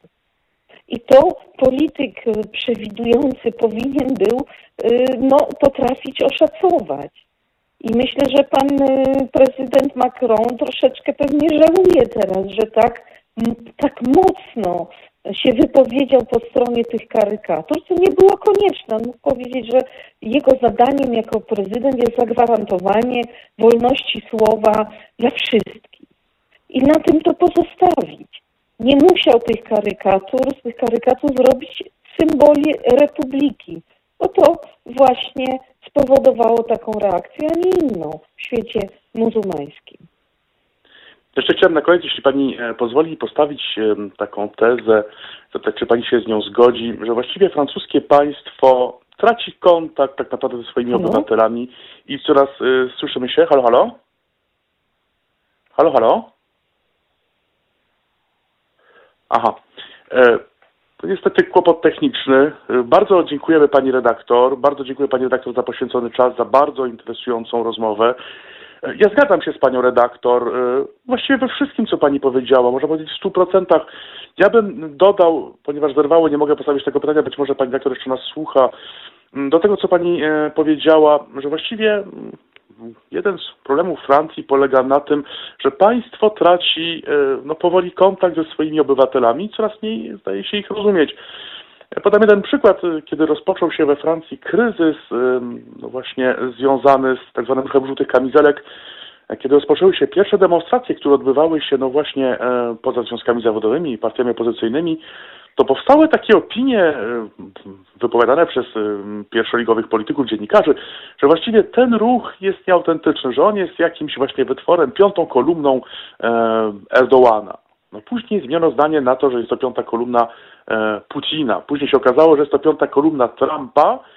Wreszcie okazało się, że to wszystko jest tak naprawdę winą Marine Le Pen, i właściwie dopiero musiało dojść do niesamowitych ekscesów w Paryżu, dopiero musiał skończyć się czwarty tydzień protestów, żeby państwo uznało, że faktycznie jest to autentyczny bunt, oburzenie społeczne spowodowane no właśnie e, no, działaniami rządu, które zostały po prostu źle odebrane przez społeczeństwo, jak również niemniej źle odebrane zostały reakcje rządu na no właśnie działania, y, które podejmowało, podejmowało społeczeństwo w jakby totalnym odrealnieniu od rządu, a rząd w odrealnieniu od społeczeństwa. I właśnie na tym polegał problem. Z jednej strony społeczeństwo oburzyło się na podwyżki e, cen paliw, ale z drugiej strony społeczeństwo oburzyło się na to, że Emmanuel Macron był łaskaw, no mówiąc wprost, obrazić po prostu e, wiele grup, mówiąc, że jeśli ktoś nie rozumie tej polityki ekonomicznej, to po prostu no, jest, jest passé, jest po prostu jakimś człowiekiem niewykształconym, nienormalnym i właściwie tutaj nie ma o czym w ogóle dyskutować i z kim. A w końcu prezydent Francji sam musiał zaprosić tak naprawdę do stołu no, część żółtych kamizelek, nie doszło do negocjacji, ale wystawił de facto czek 15-miliardowy żółtym kamizelkom, no właśnie po to, aby ten ruch uspokoić i właściwie e, no, połowa z nich poszła do domu, przyjęła tą ofertę finansową, a druga połowa została, mówiąc wprost, brutalnie spacyfikowana pałką e, policyjną na początku roku 2019. No wreszcie kolejna kwestia, kwestia wolności słowa. Czy nad Sekwano nie ma problemu z wolnością słowa, ponieważ definiuje się ją, prezydent Francji ją definiuje e, jako e, wolność, no właśnie karykatur, e, wolność publikacji wszystkiego, co dotyczy religii, ale wolność słowa to różni, to również nie mniej jak publikacje karykatur, to również wolność, prawo do krytykowania rządzących, instytucji państwowych, struktur państwowych, polityków, wreszcie prezydenta. E, pytanie, czy e, no, w tej kwestii również we Francji obowiązuje wolność słowa. Wiele przykładów wskazuje na to, iż warto o tym rozmawiać, no, tak, tak to dyplomatycznie ujmę. Szanowni Państwo, e, chciałem Wam bardzo podziękować za dzisiejszy wieczór. Przede wszystkim przeprosić za wszystkie no właśnie problemy, które no być może z jakością głosu było nie tak. No niestety błędy techniczne, kłopoty techniczne zdarzają się i no nie są one zależne od mojej woli. Chciałem podziękować bardzo miłej pani realizator. Pani realizator to znaczy nas słucha. Bardzo pani dziękuję. Mam nadzieję, że, że byłem posłusznym e, rozmówcą i prowadzącym, że nie sprawiłem żadnych kłopotów. Bardzo, bardzo dobrym prowadzącym. Za dziękuję wsparcie. za współpracę. E, bardzo dziękuję stacji, która mnie zaprosiła. No i będę czekał, będę czekał na kolejne zaproszenie. Być może nadejdzie. Nie chcę niczego sugerować. Jeśli nadejdzie, z pewnością je przyjmę. Dziękuję Państwu za wszystko. Mam nadzieję, że no, dzisiejsza dyskusja e, przybliżyła Państwu tematykę e, francuską.